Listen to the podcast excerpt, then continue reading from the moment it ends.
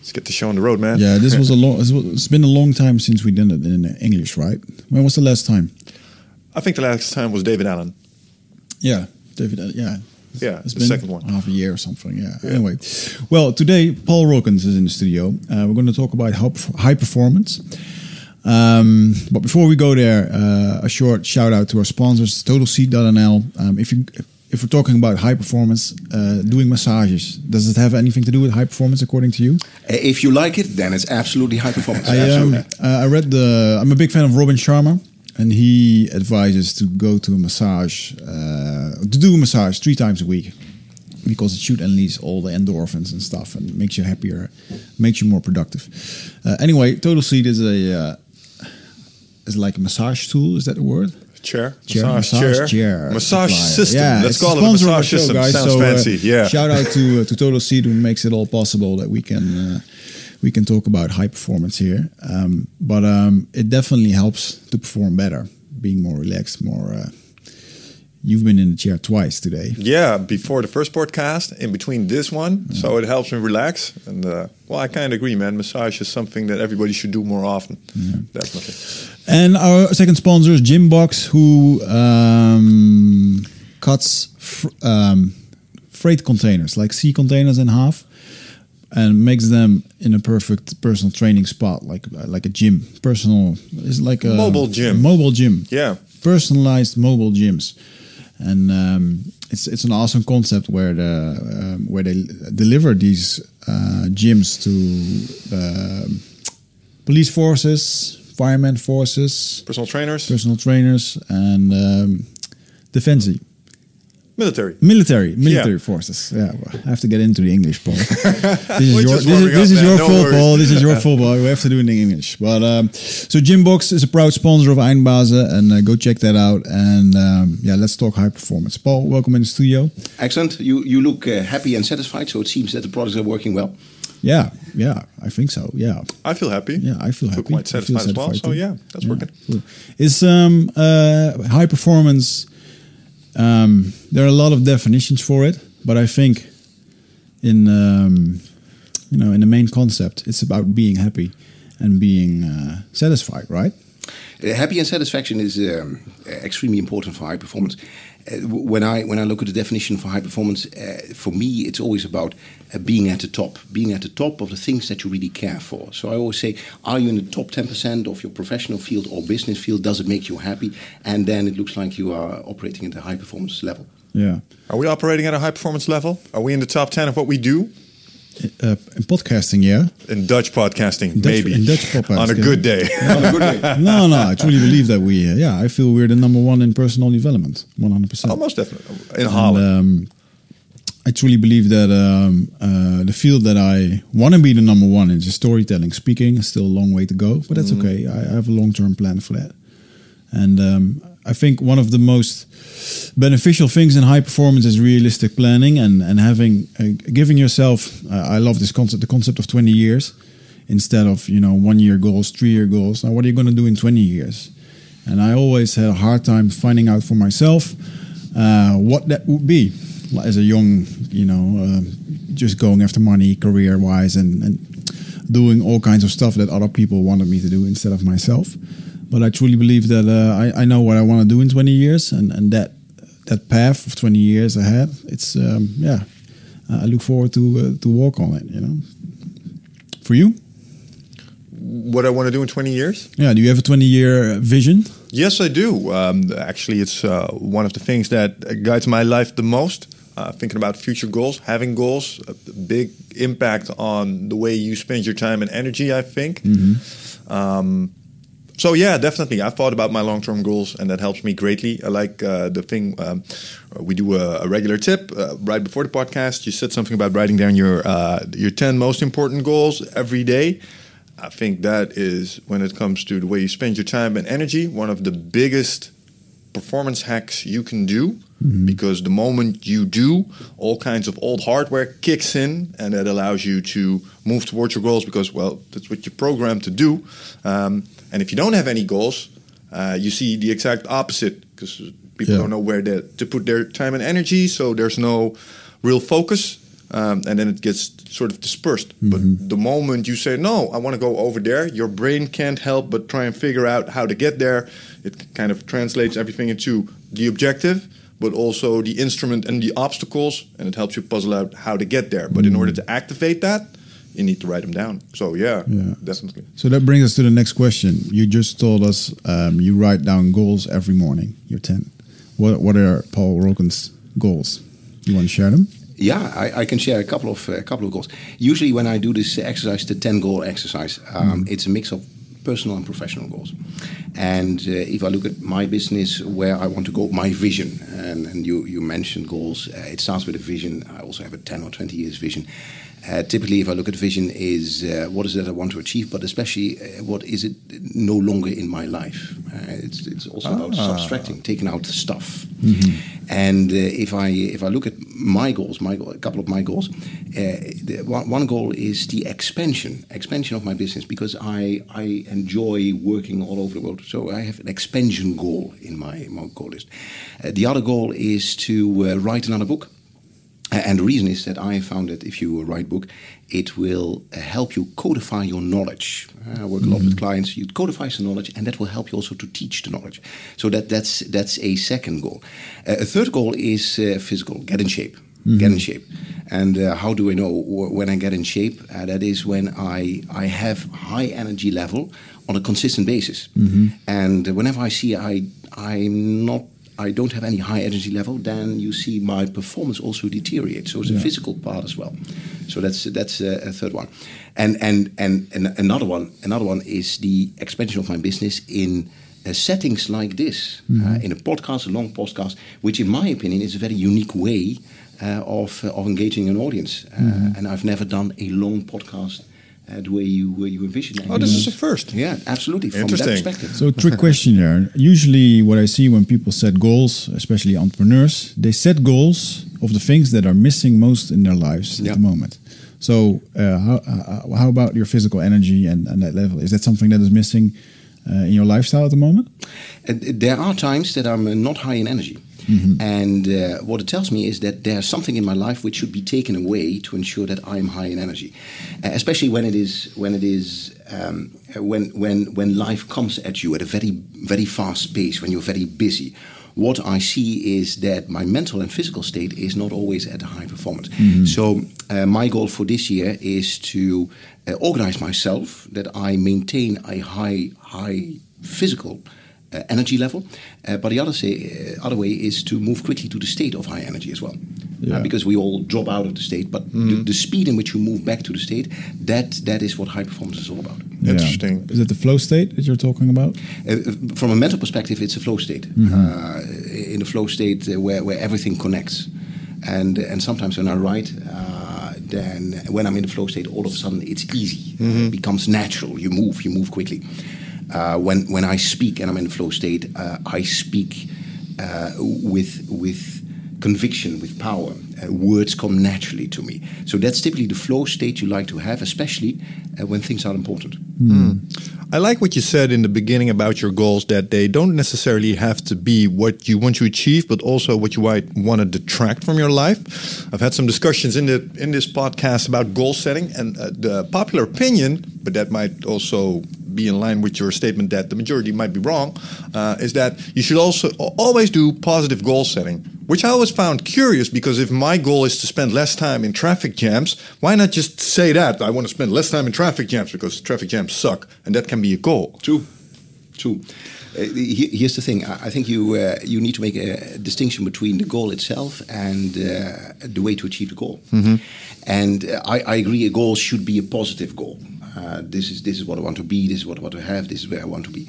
But the way to get there, uh, the road ahead, that is typically uh, what we call what is it that we need to take out of our lives in order to achieve that goal. Uh, and this is uh, the, the, the technical term is that the, the via negativa. In other words, what is it that you don't do in order to achieve your goal? I'll give you an example.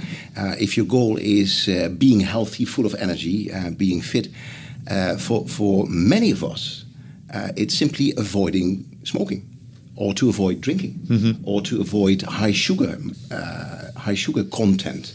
Yeah. Uh, so, so taking out stuff is much easier than adding stuff, and that's what I mean with goal setting. Often the goal should be positive, but the way to achieve the goal uh, should be either to avoid or to purge behaviors which do not help, or what we call strategic quitting. Uh, focus on the things that truly help uh, to go to the next step instead of focusing on the things uh, which are okay but are not the best use of your time. Yeah. yeah. I find that one, that la- particularly that last one, is very interesting. So st- strategic quitting is basically about um, the expenditure of time. True. because th- this is a, a tendency I've noticed uh, with myself, but uh, I think other people uh, battle with this as well. There's this phenomenon where you can feel where you don't really want to do the thing that you need to do, but you want to feel productive at the same time. So you start doing stuff that sort of has value, but doesn't really represent the next step towards your goals. And I heard a great term for this. It's called fuck around where you, where you just you're basically you're procrastinating, but you're covering with it, it with a sense of value by doing something that at least has some benefit. Right. And what you're saying is eliminate all that stuff and just just do the shit that needs to be done. It, it's building building on what you say. Uh, here's the thing about high performance: uh, your ability to strategically quit equals your ability to massively succeed. And uh, what it means is uh, strategic quitting is to shift your activities from good activities to the best activities. Good activities to the best activities. And the thinking is you have to let go in order to reach out. So you need to let go of good activities and shift your focus to the best activities in order to take the next step when you come when it comes to achieving your goals. Uh, and uh, this is connected in the end to time, uh, because time is the most important resource that we have. Uh, right? We can get more of it, we can stop it, uh, and at the beginning of the day, everyone starts with with 40 on 40 minutes. So strategic quitting is about the highest and best use of your time. And once you understand this concept, also an entrepreneur as a as a professional, highest and best use of time, uh, then it's possible to slowly chip away all the stuff which is not the highest and best use of your time. And what is left is the stuff that is really uh, helping you to achieve your goals. Next yeah, step. I can imagine. Um, although I think this is also pretty hard to do because how do you determine what what is relevant, what's the best thing to do versus what's good to do? Um, because well, it's first of all kind of subjective. Uh, it's it, it requires maybe it requires logical reason, but most of our reasoning is emotional. So what are uh, what are maybe techniques or concepts that you have learned to try and determine which goals are best for you to move on? So which activities serve you the best, given that it's well, it's not always rational decision making. Right, right. we, we are emotional creatures in the end. Now, the, the, the, when it comes to decision making, if you if you talk about which activities will help me most, uh, the first step is always uh, is clarity, being very clear about what you want to achieve, uh, clarity about your goals, and uh, uh, what, what I what I often see we call this the Columbus syndrome, right? Uh, when, when Columbus set sail to the Americas, he didn't know where he was going. When he arrived there, he didn't know where he was, and when he returned to Spain, he didn't know where he has been. And that's where you, and that's where you, what you see often with, with people, teams, and organizations, they suffer from the Columbus syndrome. They don't know where they are, haven't got a clue where they're going, and are in the dark of where they have been. So that's the first step: overcome the Columbus syndrome and be very clear. This is what I want to achieve. Yeah, and typically that that what helps is first make a vision. Ten or twenty years from now, this is where I want to be. But then translate it into a goal. And these are the ten or fifteen goals that I want to achieve a half year or a year from now. Because a vision without goals is hope, and hope is not a strategy. So so that's that's Hope step number one. is the first step towards disappointment. Disappointment. yeah, absolutely. Hope is not a strategy. So, so that's that's the first thing. Then the second thing is uh, the, the highest and best use of your time. So once you got those goals, what is the highest and best use of your time? And if you want to know the highest and best use of your time, you need to look at three things. First of all, uh, the activities uh, you're skilled at. Are you competent? Are you competent? And the second thing is, are you passionate about the activities? And the, th- the third thing is, do the activities add value to other people? Yeah, because in the end, creating value is what goal achieving is all about. Creating value for other people. So you need all three. You need uh, competence, you need passion, you need value creation. And if you miss one of those three, it's not the highest and best use of your time. I give you an example. If you're skilled and passionate, but you don't create value for other people, you got a hobby. If you are uh, passionate, you create val- uh, value for other people, but you're, not, but you're not skilled, then you are an amateur. And if you are skilled, create value for other people, but you don't have a passion, then you simply have a job? And once you have a job, it's not possible to have high performance. You need to be very passionate about mm. what you do. So the very the very simple approach, the highest best use of your time, uh, simply look at all the things that you do or could do, uh, uh, what you're skilled at, are passionate about, and create value for other people pick those three and eliminate, delegate, outsource everything else. Mm. And that's the, the practical approach of making that happen. I like it. Um, I think it's very hard as well, but um, not in the well. Yeah, I, I, like what you're saying about having goals and, uh, like you said, delegating, outsourcing, and eliminating the rest. Um, let's let's start at, at the last one, uh, the elimination of goals. Uh, if you uh, if you delegate something, uh, well, at least it's getting done and it's still part of the plan. Uh, if I outsource uh, if I outsource it, same story. But if I eliminate it, I may be killing darlings. And I found it in my own life, but also when talking to other people about this this kind of uh, thinking, that's pretty hard. Yeah. Got any tips on how to do that better? Yeah. The, uh, if you if you talk about elimination, what you need to realize is um, the worst use of your time uh, is uh, not to be uh, inefficient, but the worst use of your time is to do things which shouldn't be done in the first place. Mm-hmm. To become excellent at something irrelevant. Mm-hmm. and I make the connection to what you say about darlings. Often, uh, what happens in the past, we have grown accustomed to doing stuff, things we are very skilled at, it creates value, so we are perfectly comfortable. But it will not help us to take the next step. And what has got us here will no longer get us there. Now, if you want to kill your darlings, it's a, it's a very conscious process. It's not something that comes by itself. And uh, uh, often, one technique I, uh, I, I always use uh, with, with, teams or, uh, or clients uh, is a technique we call zero based thinking. and what is zero based thinking? it's actually starting with a blank sheet. and it, it, it asks the question knowing what I now know now, right now, knowing what I know right now, which activities that I'm engaged in wouldn't I start if I could do it all over again. Ah, very nice. Yeah, knowing what I know now, which activities I'm engaged in right now, mm-hmm. wouldn't I start if I could do it all over again? Yeah. And once you start to list these activities, then you immediately got the elimination list. Yeah, okay, there you this have is what we need to stop. And I'll give you an example. Uh, we did a little exercise uh, with a client of mine. Um, they, they had, a, they had a, a, long client list. And that was interesting. And um, uh, what they found in the client list is uh, did this little exercise. They found in the client list the 80 20 rule. Uh, 80% of all the benefits or uh, revenue or margins they come from 20% of the line of the clients. It, it's it's a power law. We see that everywhere. But the other thing they also found was that 80% of the headaches also came from 20% of those clients. Mm-hmm. And those 20% were different 20%. There was the bottom clients, right? Mm. Little margin, hardly any revenue, but create a lot of create a lot of uh, headache. So what they did, elimination, uh, they uh, eliminated the bottom 20% of their clients.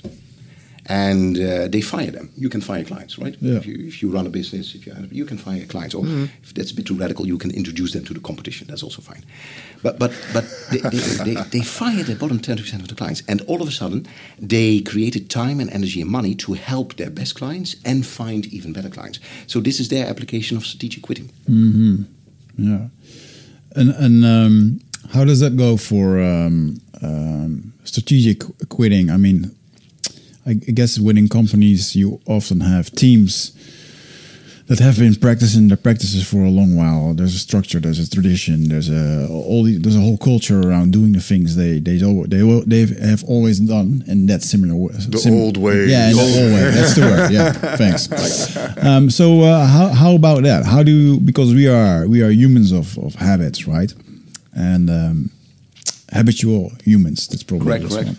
So um, how to change without getting people. Uh, stressed out, burned yeah. out, and yeah. yeah.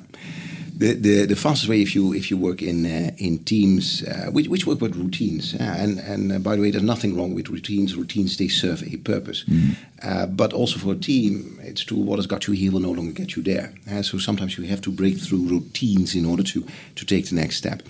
Uh, one of the most interesting approaches is uh, to uh, take a different approach to what we call delegation. Uh, we tend to think delegation it's it's management. You know, uh, give work to someone else. But that's not what I mean with delegation. If you look at high performance delegation, uh, what it means is to give something which is work for you uh, to someone else for whom it is play in a team. So Interesting, something which yeah. is work for you, give to someone else for whom it is play. And once you start doing that, all of a sudden, uh, people start to play.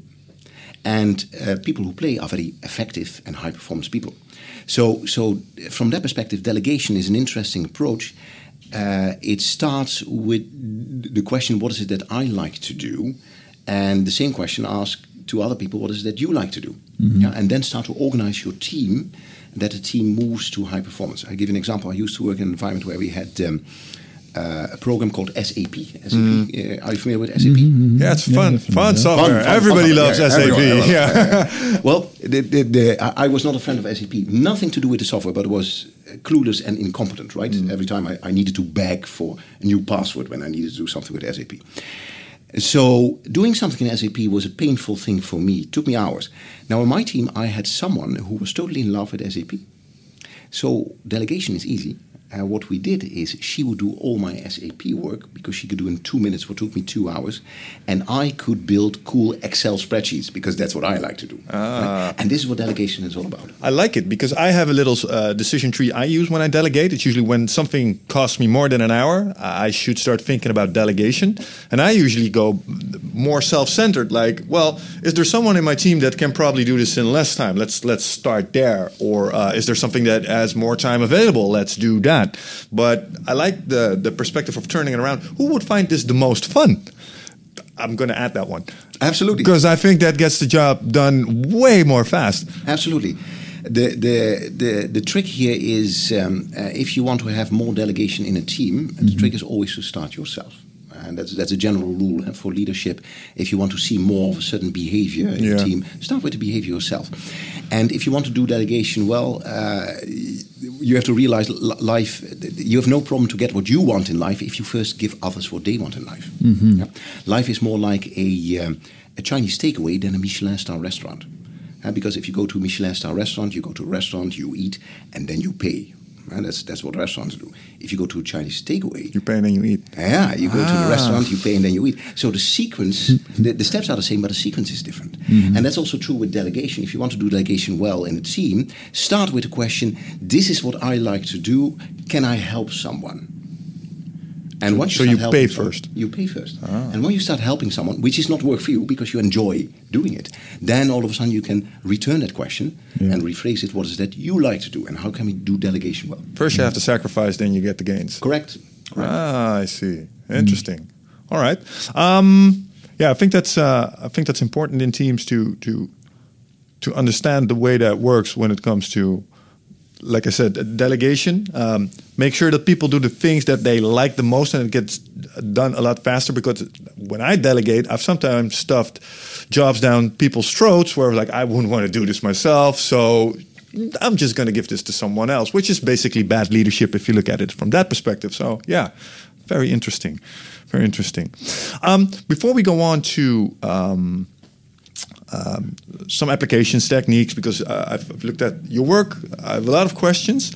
But the first thing I've, I always found uh, find very interesting is um, when you talk about preeminence, high performance, raising the bar, people who are very into that stuff, I always get that they have a certain sense of urgency that other people seem to be missing. And I'm very curious what the root is of your personal sense of urgency because the fact that you gathered all this knowledge is simply a solution to something you want to create for yourself. Absolutely. Yeah. What is it that you that, that makes you focus on getting the most out of your time? Yeah. It, I think I think it's uh, it, it, it's, it's also part of my history. Um, if you look at um, where I started, where I come from, uh, I'm originally trained as a chemical engineer. That was my profession. And uh, when I was uh, done with my with my um, uh, with my uh, training. I, I, was young, I was broke, so I, needed to earn money. So I started to work in operations, uh, which is build large chemical facilities, run large chemical facilities all over the world. And the first 10 years of my career, I uh, did what engineers love to do, uh, which is to solve problems which do not talk back. Uh, that's that's our hobby. We love that. Huh? We, we, we don't, don't like that icky stuff with, with, with, people talking back. No, no. We love to solve problems which do not talk back. But after about 10, 10 years, I realized uh, what has got me here will no longer get me there. Uh, so, so continue on this road will no longer bring me to the goals I wanted to achieve, uh, which mm. is to grow also in a corporate organization. And then, then I became fascinated by one question. The question is, what is it that the most successful people, teams, and organizations do differently uh, if they want to achieve success in the laziest way possible? Mm-hmm. In the laziest way possible. Mm. And uh, the reason that I asked myself that question is not that I'm a lazy person. I mean, not compared to others. Uh, I guess sometimes I'm lazy too. But the reason is once you are lazy, uh, once you want to get things done in the easiest way possible, all of a sudden you have time and energy left to do all other kind of cool stuff, eh? like hanging out with you on an occasion like this, right? Mm-hmm. So that became my my my magnificent obsession. And then I realized uh, there's a lot of knowledge, a lot of ideas uh, out there uh, about this subject. So I studied the ideas, practiced the ideas, kept what was working. Mm-hmm. I'm an engineer, so I keep what was working. and then, then all of a sudden, I realized if you truly want to internalize ideas, uh, the trick is to teach it to other people right? Mm-hmm. If you can teach it to other people, then you got it internalized. Five percent by listening, ten percent by reading, ninety-five percent by teaching others. Teaching others. I get it. so I started to teach it uh, to other people. Uh, hey, this this is how you achieve goals, delegation, time management, productivity, etc. And uh, I was so successful in, in, my in my corporate environment that I was quickly brought to to the dark side eh, of, of a corporation, which is corporate headquarters. Mm-hmm. Uh, so I got a job at uh, corporate headquarters, a uh, company called DSM, and uh, a big big chemical company, uh, global. And my job was uh, to build a high performance culture, which is how how do you make successful people, teams, and organizations even more successful? Mm-hmm. Which is an absolutely fascinating fascinating subject, because this is no longer about working harder. Uh, but it's about a different perspective, different mindsets, and it is especially about strategic quitting stopping with behavior, stopping with activities which do not um, do not um, uh, do not cover mm. yeah do not serve do not cover the high performance individual or, or person. So that became my my fascination. Uh, I did this a couple of years. I tested a lot of ideas in, in various environments. So that, mm. that was a, a, beautiful playground for me.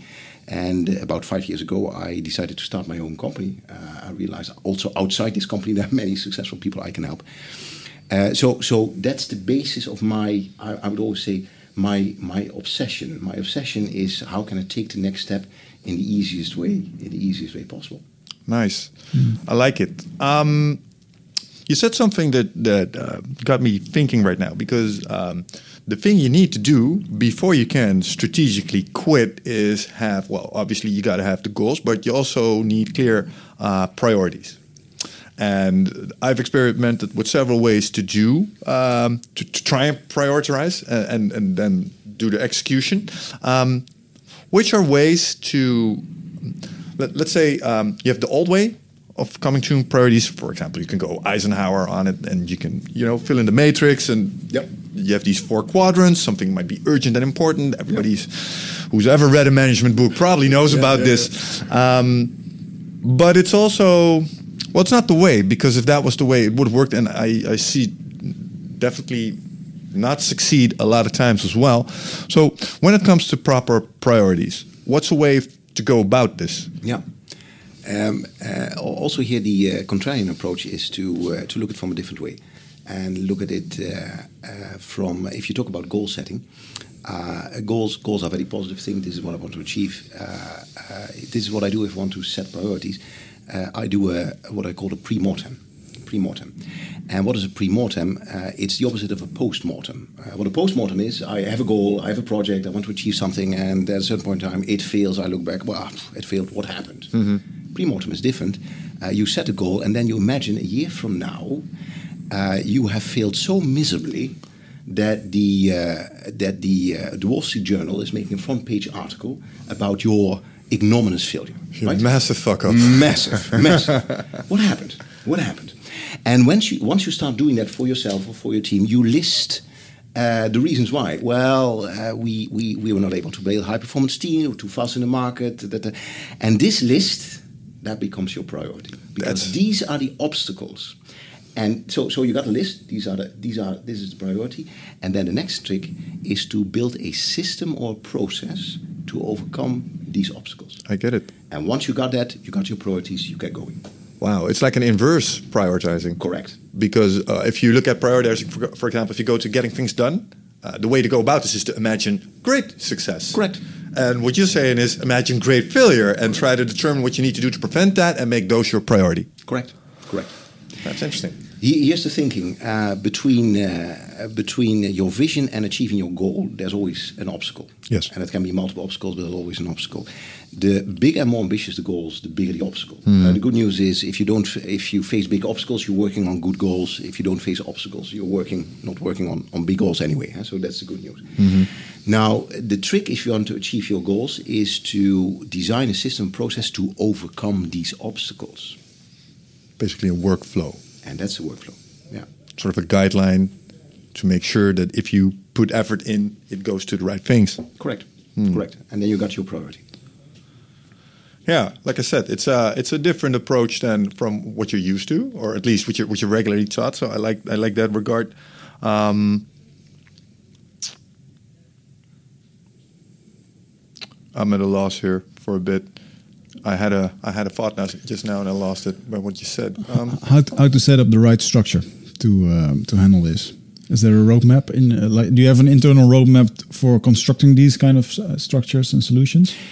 The, the the the way the way I go about uh, and uh, for myself, but also I, when when I work with clients, I, I teach them the way to do it. Uh, I I look at lo- I look at three areas um, when it comes to goal achieving. I look at uh, clarity, I look at focus, and I look at execution. Now, if you talk about clarity, we already discussed this. Uh, hey, what's the vision, and what does it mean for the goals, right? Uh, so, so that that's overcome the Columbus syndrome. Then, if you talk about focus, uh, my, my system is also based, always based on, uh, on on what we're going to face, which is the valley of death.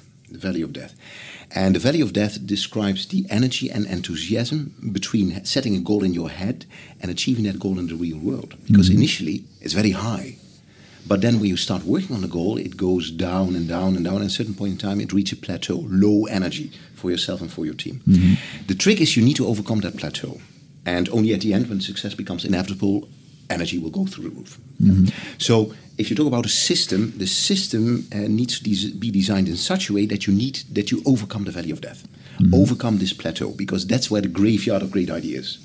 Uh, that's a grave of bit- uh, great ideas. It's it's where procrastination happens. right? That's where millions of great initiatives die. Initiatives die. So uh, the system uh, is uh, knowing that we're going to face the valley of death. What are going to be the biggest obstacles, the pre-mortem, and what is it that we need to do in a system or process to overcome these obstacles? Now, that can be two things. That can be that can be the classical system or process when you have a project or uh, IT or SAP, whatever it is. But the most important part is behaviors. Yeah, which behaviors do we need to overcome the, the valley of death? Yeah. And the reason is uh, you will never get the new results that you want from the existing behaviors that you like. You never get the new results that you want from the existing behaviors that you like, because the results you have are connected with the be- behaviors that you show. yeah, Yeah? I think that ties into Einstein's "What's the definition of stupid?" Uh, of stupid, uh, with the existing behaviors, trying to get a new. So you need to change behaviors, and that is the big secret of high performance teams, organizations, and leaders.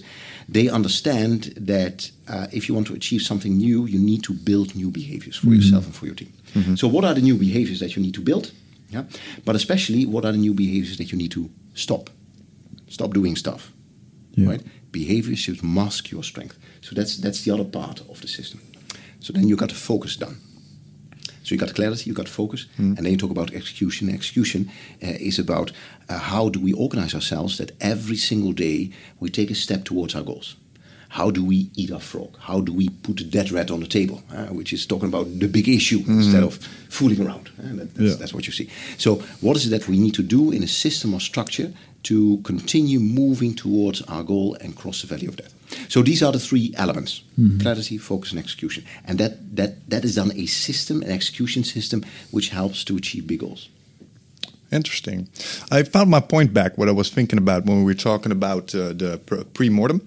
Um, one of the things that uh, the inverse sort of inverse goal setting does is it kind of creates problems. And one of the things that I found in my preparation for this podcast that might tie into that, um, might be a solution to it, but I never uh, labeled as such, is serendipity. Mm. Could, could you go into what that exactly meant? Because it was the first time I encountered it from a performance perspective.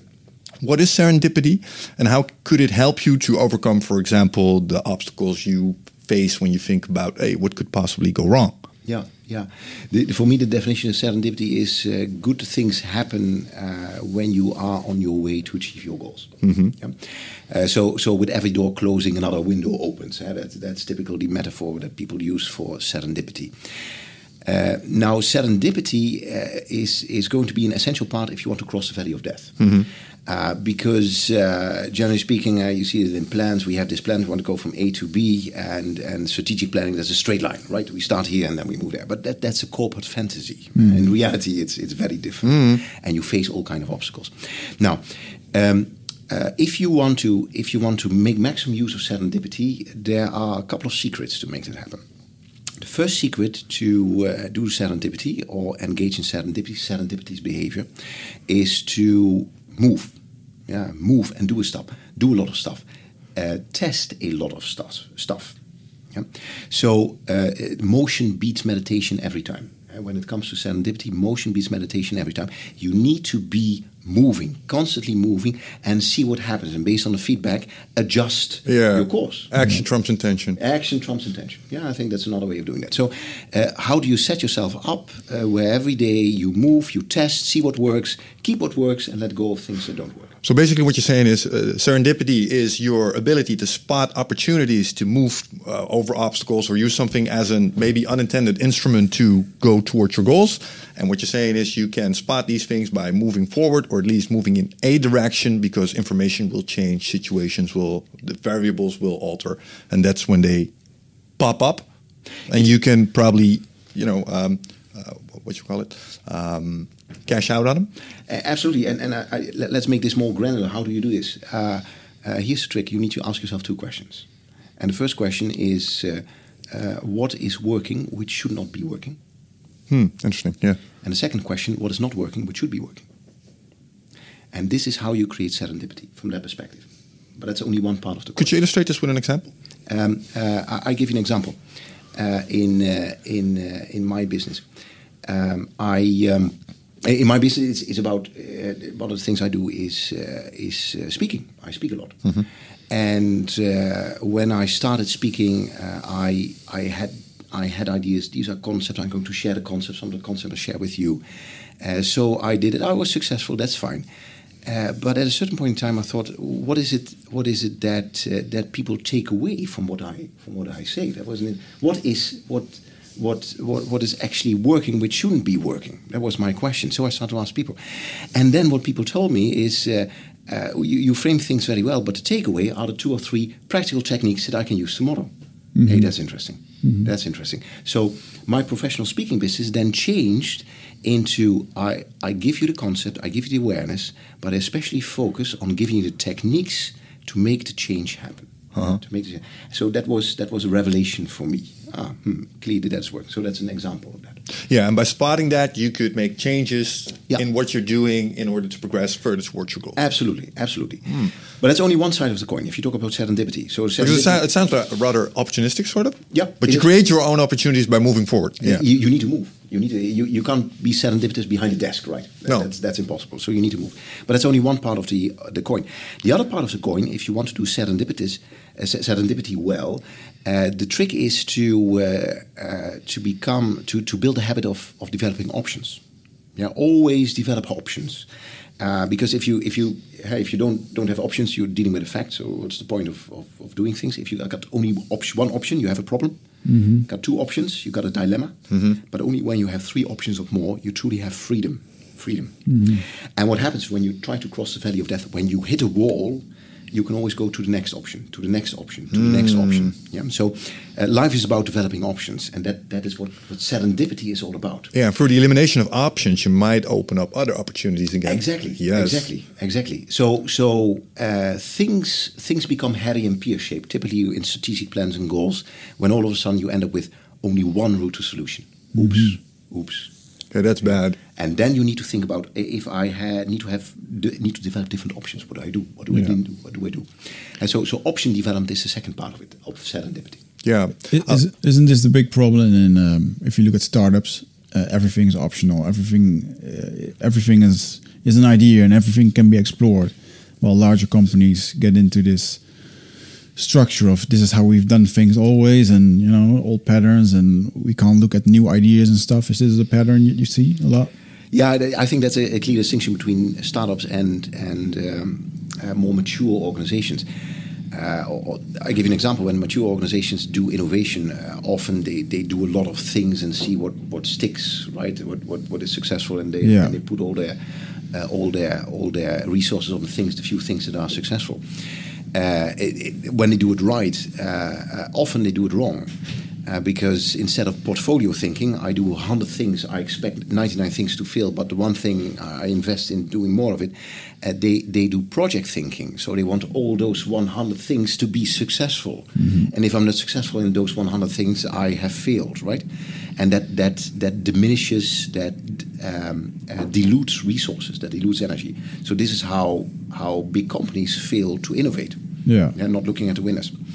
Now the problem with startups uh, is uh, that they uh, they tend to fall in love with their product instead of falling in love with their client. Yeah, So guilty. yeah, yeah, That's the first thing I thought, man. yeah, yeah. So so you wake up, you got this brilliant product, this brilliant idea. Everybody uh, needs this. Everyone is going to use it, and and, and there will be a massive scale up. Yeah. Uh, without uh, without thinking, well, who's my client, and and how can I fall in love with my client to do something which will improve the condition of the client? Yeah, Yeah, so that's the other the other side, the other side of the coin. Yeah, yeah. and uh, I, I like the saying that um, everybody wants innovation, but nobody wants to change. right. Um, and I, I truly see that with with larger companies, or um, it's it's not um, fancy to say people, but in general, older employees, older management, the gray the gray people on top um, are, are hard learners sometimes, and especially I think in this area uh, era of innovation. Um, you know, it seems that uh, for some reason, a lot of companies don't do very well because they don't um, say goodbye to the to the to the people that brought them initially there, like you're saying. huh?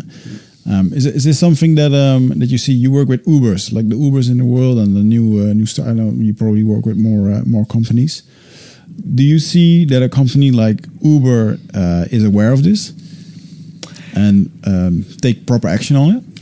The the um, let, let me build on what you say, uh, and that that experience. Huh? People who are, have experience might, might not be as as agile. Huh? Yeah. Uh, and and I uh, I would challenge that. Um, what I what I see is in another thing is uh, often you see structures which are no longer agile, where people adapt their behavior to the structure. So even when you bring experienced people out of the structure into a different structure, you see a different type of behavior um, because in the end, people show the behavior which is being rewarded. Yeah. So. Uh, uh, I I think I think therefore it's it's not it's not the age or the experience which limits, but it is the structure which limits. Yeah. So if you build a new structure, you'll get a new be- set of behaviors, and you you you get new results. So Yeah. that's one thing. Then then then building on on your question, if I look at at customers I work at, uh, uh, what I see is uh, that the most successful customers uh, I work with, they uh, they uh, they understand they understand the innovation dilemma, and and they have a couple of uh, habits uh, which will help them to take the next step. Uh, one one of the habits is um, that they and, and I, I already said it they never fall in love with a product they fall in love with their client so the client is always the, the, focal point of everything they do. What's their client? Uh, for example, uh, one of my clients, in order to, to make client focus the core of their business, uh, had a wall of clients. So every, every time you would walk into their company, they had pictures of actual clients, people. Yeah, not, not logos, but Yeah. pictures. We work for these people, right? These people, and that creates energy. That creates focus. Yeah. So, so that's that's one thing. The the second thing is that the most successful organizations which are doing this well, uh, innovation, high performance, taking next step, uh, they um, they understand that the majority is always wrong. When it comes to high performance, the majority is always wrong. So what it means is that every single business uh, you're working in works with norms, works with standards. Uh, for example, a bank a standard has people bring money to the bank, and then they give the money to other people, and they, they keep a share. Uh, that's that's a, a normal standard of the business. If they want to innovate, the trick is not to build a new Tesla, you know, a new iPad. That's that's way too difficult. Innovation is about breaking norms and breaking standards. Yeah, doing things differently in a marketplace. Uh, I give the example of IKEA. eh, If you look at IKEA, um, the, the standard for, for furniture was I build furniture for my client, I bring the furniture. And then they decided to break the norm and standard. Said, no, no, we don't build it anymore. We give a package. Yeah. Right? You build it yourself. build it yourself. And that's breaking norms and standards. So they didn't invent a new Tesla, but they broke the norms and standards of an organization. And that's what you often see with, with very uh, effective, innovative companies. They are able to understand norms and standards and ask themselves, how we can we break the norms and break the standards in our industry or professional field? Yeah, so what you're saying is a cultural legacy doesn't really depend on the people that do it. It's more of the like you know the collective of the organization that does things a certain way and the moment you start changing as a group, Correct. the individuals will follow so they're not you know um, outdated at all. No. The moment the environment changes, they will just update as well. Correct, and and, uh, and and and I think that's a huge opportunity uh, if you talk about leadership uh, and high performance leadership. High performance leadership is to create a success environment. right? It's about creating a success environment, and that's what high performance leaders in the end do. And they understand this is the environment. How can I uh, create a success environment where the behaviors that I like to see are being rewarded? Yeah. and the behaviors I don't like to see uh, are being punished Yeah. right? And, and this is how you change the culture of an organization, build a high performance culture. De laatste kaarten zijn beschikbaar voor het Ride of Passage Retreat op 24, 25 en 26 mei. Ben jij erbij? Het is een volgende stap in je persoonlijke groei. Eh, een weekend waarbij de belofte is dat het een tikkeltje oncomfortabel gaat worden. Maar daar ligt natuurlijk wel gewoon de groei om meer helderheid te krijgen in je leven. Om uit je hoofd te komen, in het lichaam. ehm, achter te laten wat je niet meer dient. En om echt de volgende stap te maken door de oude patronen te doorbreken, te doorzien, te doorvoelen en, en te helen. En daarvoor wil ik je heel graag uitnodigen.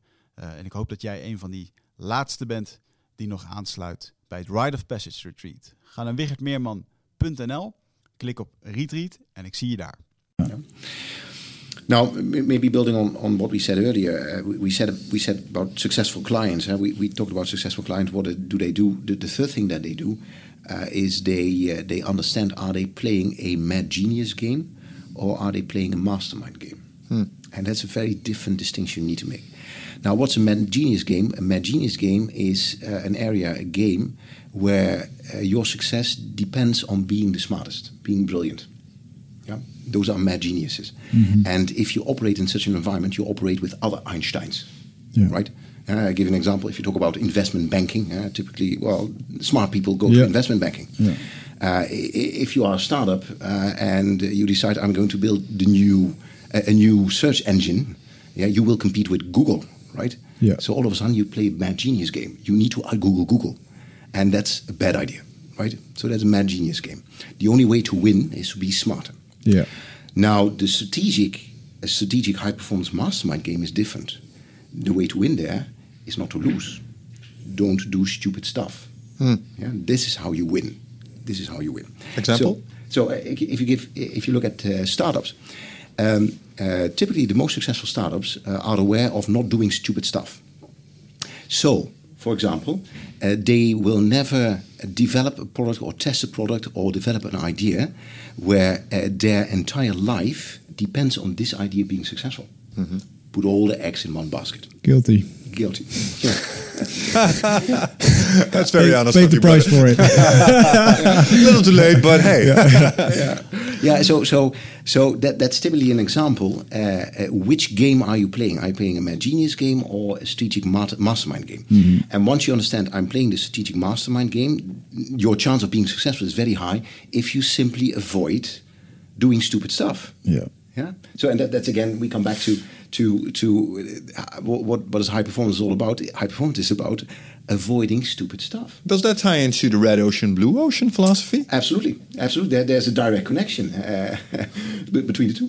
Yeah. uh, the, um, the- could you explain the blue, uh, uh, the red ocean, blue ocean? Yeah, yeah. For me, the, the red ocean, blue ocean uh, ties in. What, what is your what is your competition? Uh, are you moving to a marketplace which is crowded, where you have to be exceptional uh, in order to be heard, or do you uh, do you uh, create a little niche for yourself, move into a marketplace where you are the big fish in a small pond?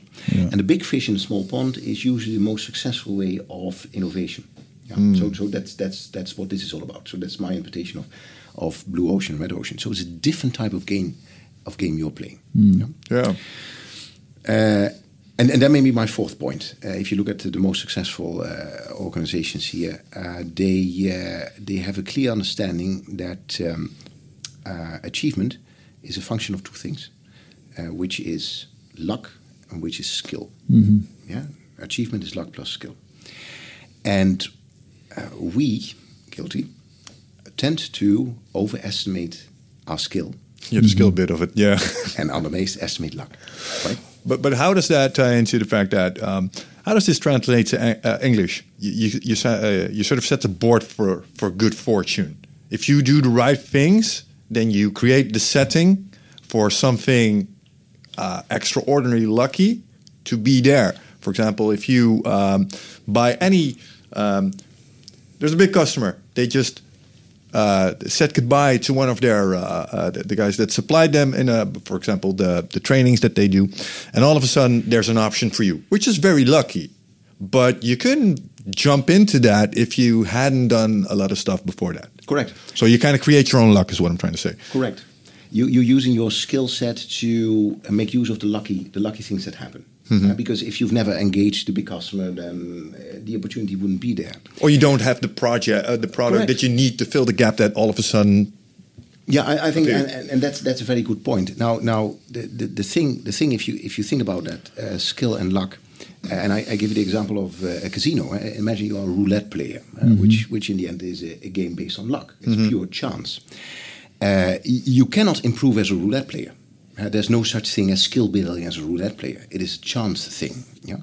Now, if you look at a chess grandmaster, yeah, that is a game where skill plays a huge part but not 100%, even in chess. If it is a completely transparent game without any chance, because the chance is in within you. Imagine the evening before you've Yeah. eaten a, a spicy Thai food, you're not you're not energetic and you lose the game. Yeah, so there's still still a part which is luck. Yeah. Now here's the trick.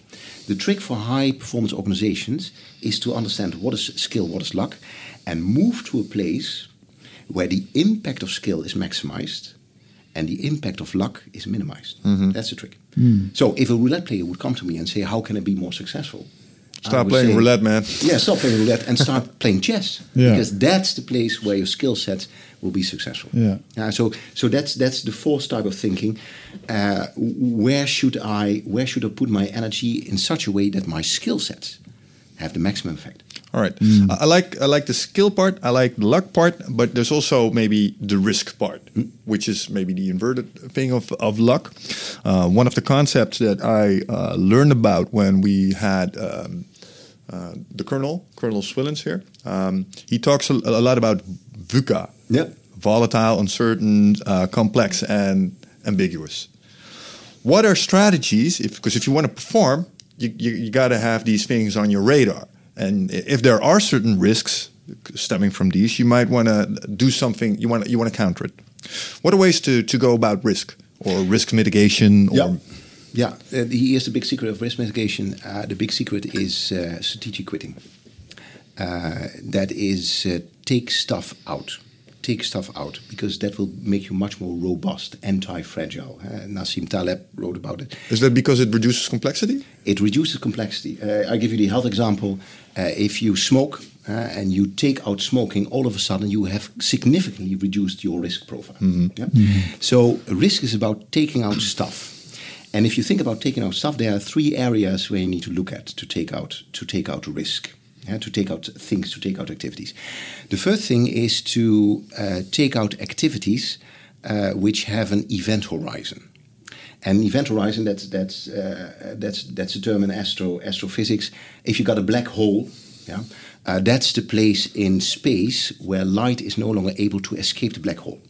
So it's the boundary between the black hole and and not a black hole. Yeah. So once light enters this place, there's no way turning back. That's the event horizon. Yeah. Now the trick is, if you want to go to high performance, understand which activities do have an event horizon. So, they get binary after a while. Exactly. Ah. So, which activities uh, are so risky that if things go wrong, there's no turning back? Hmm. Yeah. Uh, for example, startup. Uh, if I move everything in this project, if this project fails, I'm out of business. Yeah, it's all in. Yeah, all in. Yeah. Yeah. So, so what what do you need to reduce out of your life, out of your business life, that you no longer have, uh, or minimize the the activities which have an event horizon? Uh, in in trading terms, they call this an uncle point. An uncle point. Yeah. So that's that's one thing, and uh, and and uh, for uh, for professionals, uh, i sometimes it can be uh, uh, it can be in the area of health. Uh, but it can also be in the area of careers uh, that you uh, take so much risk in your career. Uh, it- for instance, trading, uh, you lost so much money that you take all the money you have and you put everything on red in the hope that you get it back yeah, in, in the casino terms. And then it becomes, and then it's very risky because all of a sudden, at a certain point in time, it will be Yeah, gone. black. Yeah. Gone. Yeah. So so so think about it. So that's that's one area, event horizon. Here's the second area. The second area is to uh, uh, take out uh, behaviors uh, which mask your strength. Take out behaviors which mask your strength. So if you want to be a high performance individual, it's not about building new behaviors. It's about taking out behaviors uh, which mask the strength of what you're doing. I call this kryptonite behaviors. Oh, so they actually limit you in your ability because masking can also be camouflaging it, which from a Machiavellian point of view might be a successful strategy every now and then. Uh, yes, For example, you don't want to outshine the master. yeah, uh, absolutely. Yeah. The, the, but, but the thing is, it, what, what masking means is you got enormous super talents, right? Everyone has enormous super talents, but uh, uh, we everyone has a couple of behaviors. If we stop doing that stuff, all of a sudden we are much more powerful. Uh, and that's interesting uh, when I work with with with with uh, high-powered executive, successful leaders. Uh, they do a lot of things very well, right? But the most successful ones, they understand there are a couple of things they do they they don't do very well. Uh, very simple behaviors um, uh, in in in conversations. Yes, but. Yes, but. The habit of the yes, but. Yeah? Because if you use the habit of the yes, but, what happens with the energy of the team, of the room, of the person you're talking to, down the drain. yeah.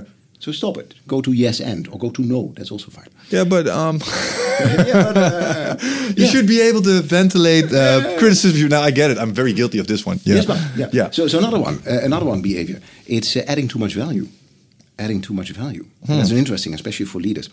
Uh, adding too much value is imagine you're a leader and uh, one of your employees enters your office, got a brilliant idea, Uh, and you think "Well, this is an absolutely stunning, brilliant idea. But but yeah, you are the leader, so you need to have an opinion, right? You are paid to have opinions.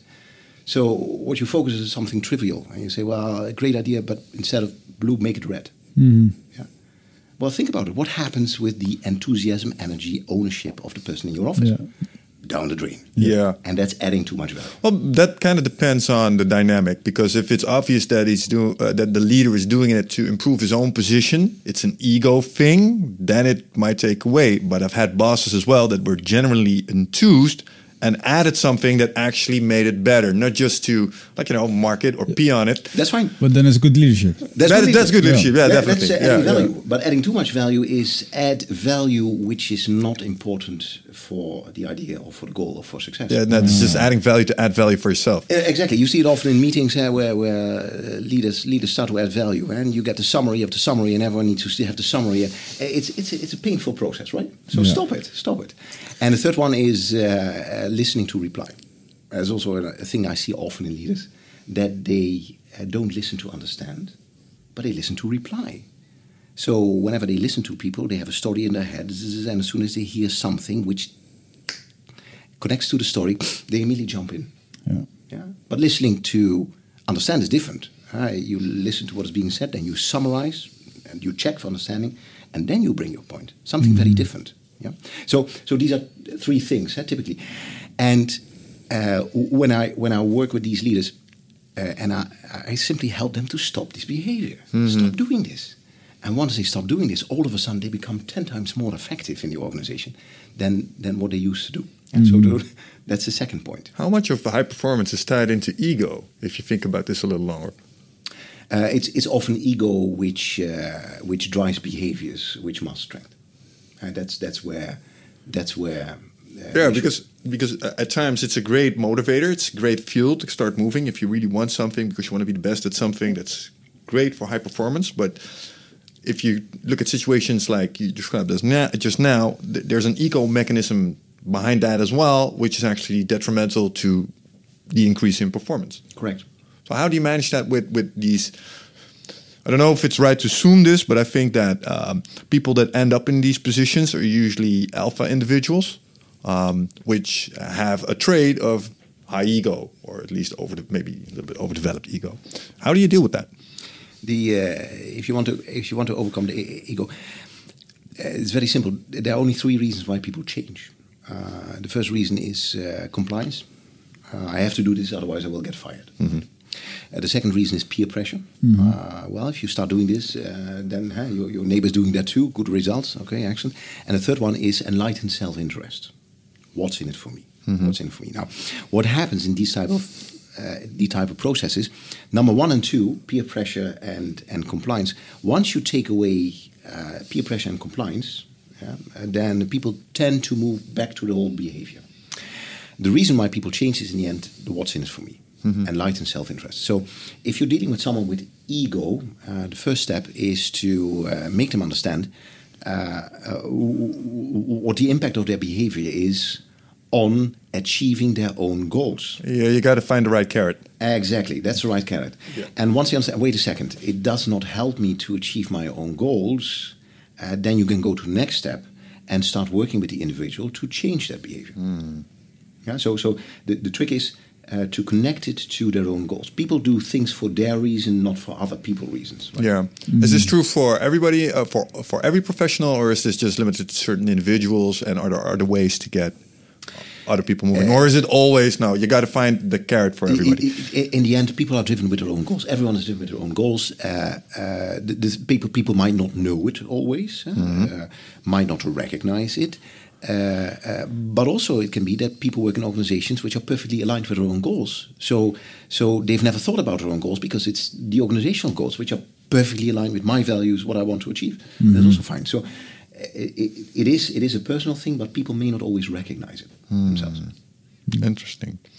Um, I have a question. It goes back to the uh, uh, the part where I blanked out a little because I was thinking about what you said about creating workflows with teams to do certain things in a certain manner, and I think the main reason to do this, because a high performance, especially in teams, in my opinion, is especially about creating momentum.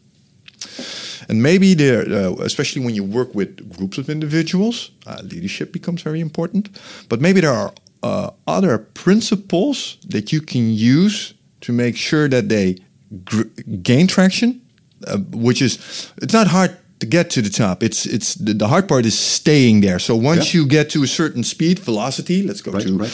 Uh, the velocity for Scrum teams, for example. How do you maintain velocity? Yeah, yeah. How do you do that? Because because I love what you said about, for example, moving on uh, the, the the piece with the biggest resistance, the frogs. Usually, that unlocks the most progress. Correct. What are other principles that sort of make sure that you keep that flow going? If you want to keep flow going in an organization, and, and high performance is not, not not only about reaching reaching the peak, yeah, but also staying there, and that, that's that's an important part. Um, uh, the, at a certain point in time, it's no no longer about the mechanics. Uh, this is how we do the meetings and the Excel sheets. Yeah. No longer. It all become it all it becomes part of behaviors yeah, it, it, turns into behaviors. You'll never get the new results that you want from the existing behaviors that you like. So, so we're talking about habits, basically. Yeah, the behaviors which drive the habits. This is how we do that. And um, uh, when I, oh, when so sorry to interrupt yeah, you, but there's a, there's a there's a difference between a behavior and a habit in your view of it? Uh, and, and no, no, the, the, the, habit, the habit and the behavior to me are the same. Okay, the right, habit, gotcha. Habit yeah, sure, sure, thing. sure. It's more All right, sorry, yeah. Uh, some, what, what, for me, the distinction is it, sometimes behavior you still have to work on it. I need to behave like a habit It's already there. Like yeah, yeah, yeah. Okay, no, no longer, Gotcha. no longer any issue. Now, now, if you talk about uh, building high performance habits, this is about building high performance habits. Uh, what, what I what I always use always do with teams, I uh, first of all I work on the habits which mask their strength. We already mentioned a couple of those habits, but the second thing is we look at, at distinctions in in habits and especially mindset. And here are a couple of distinctions which are interesting. Uh, the first one is the distinction between uh, owner and victim. Owner and victim.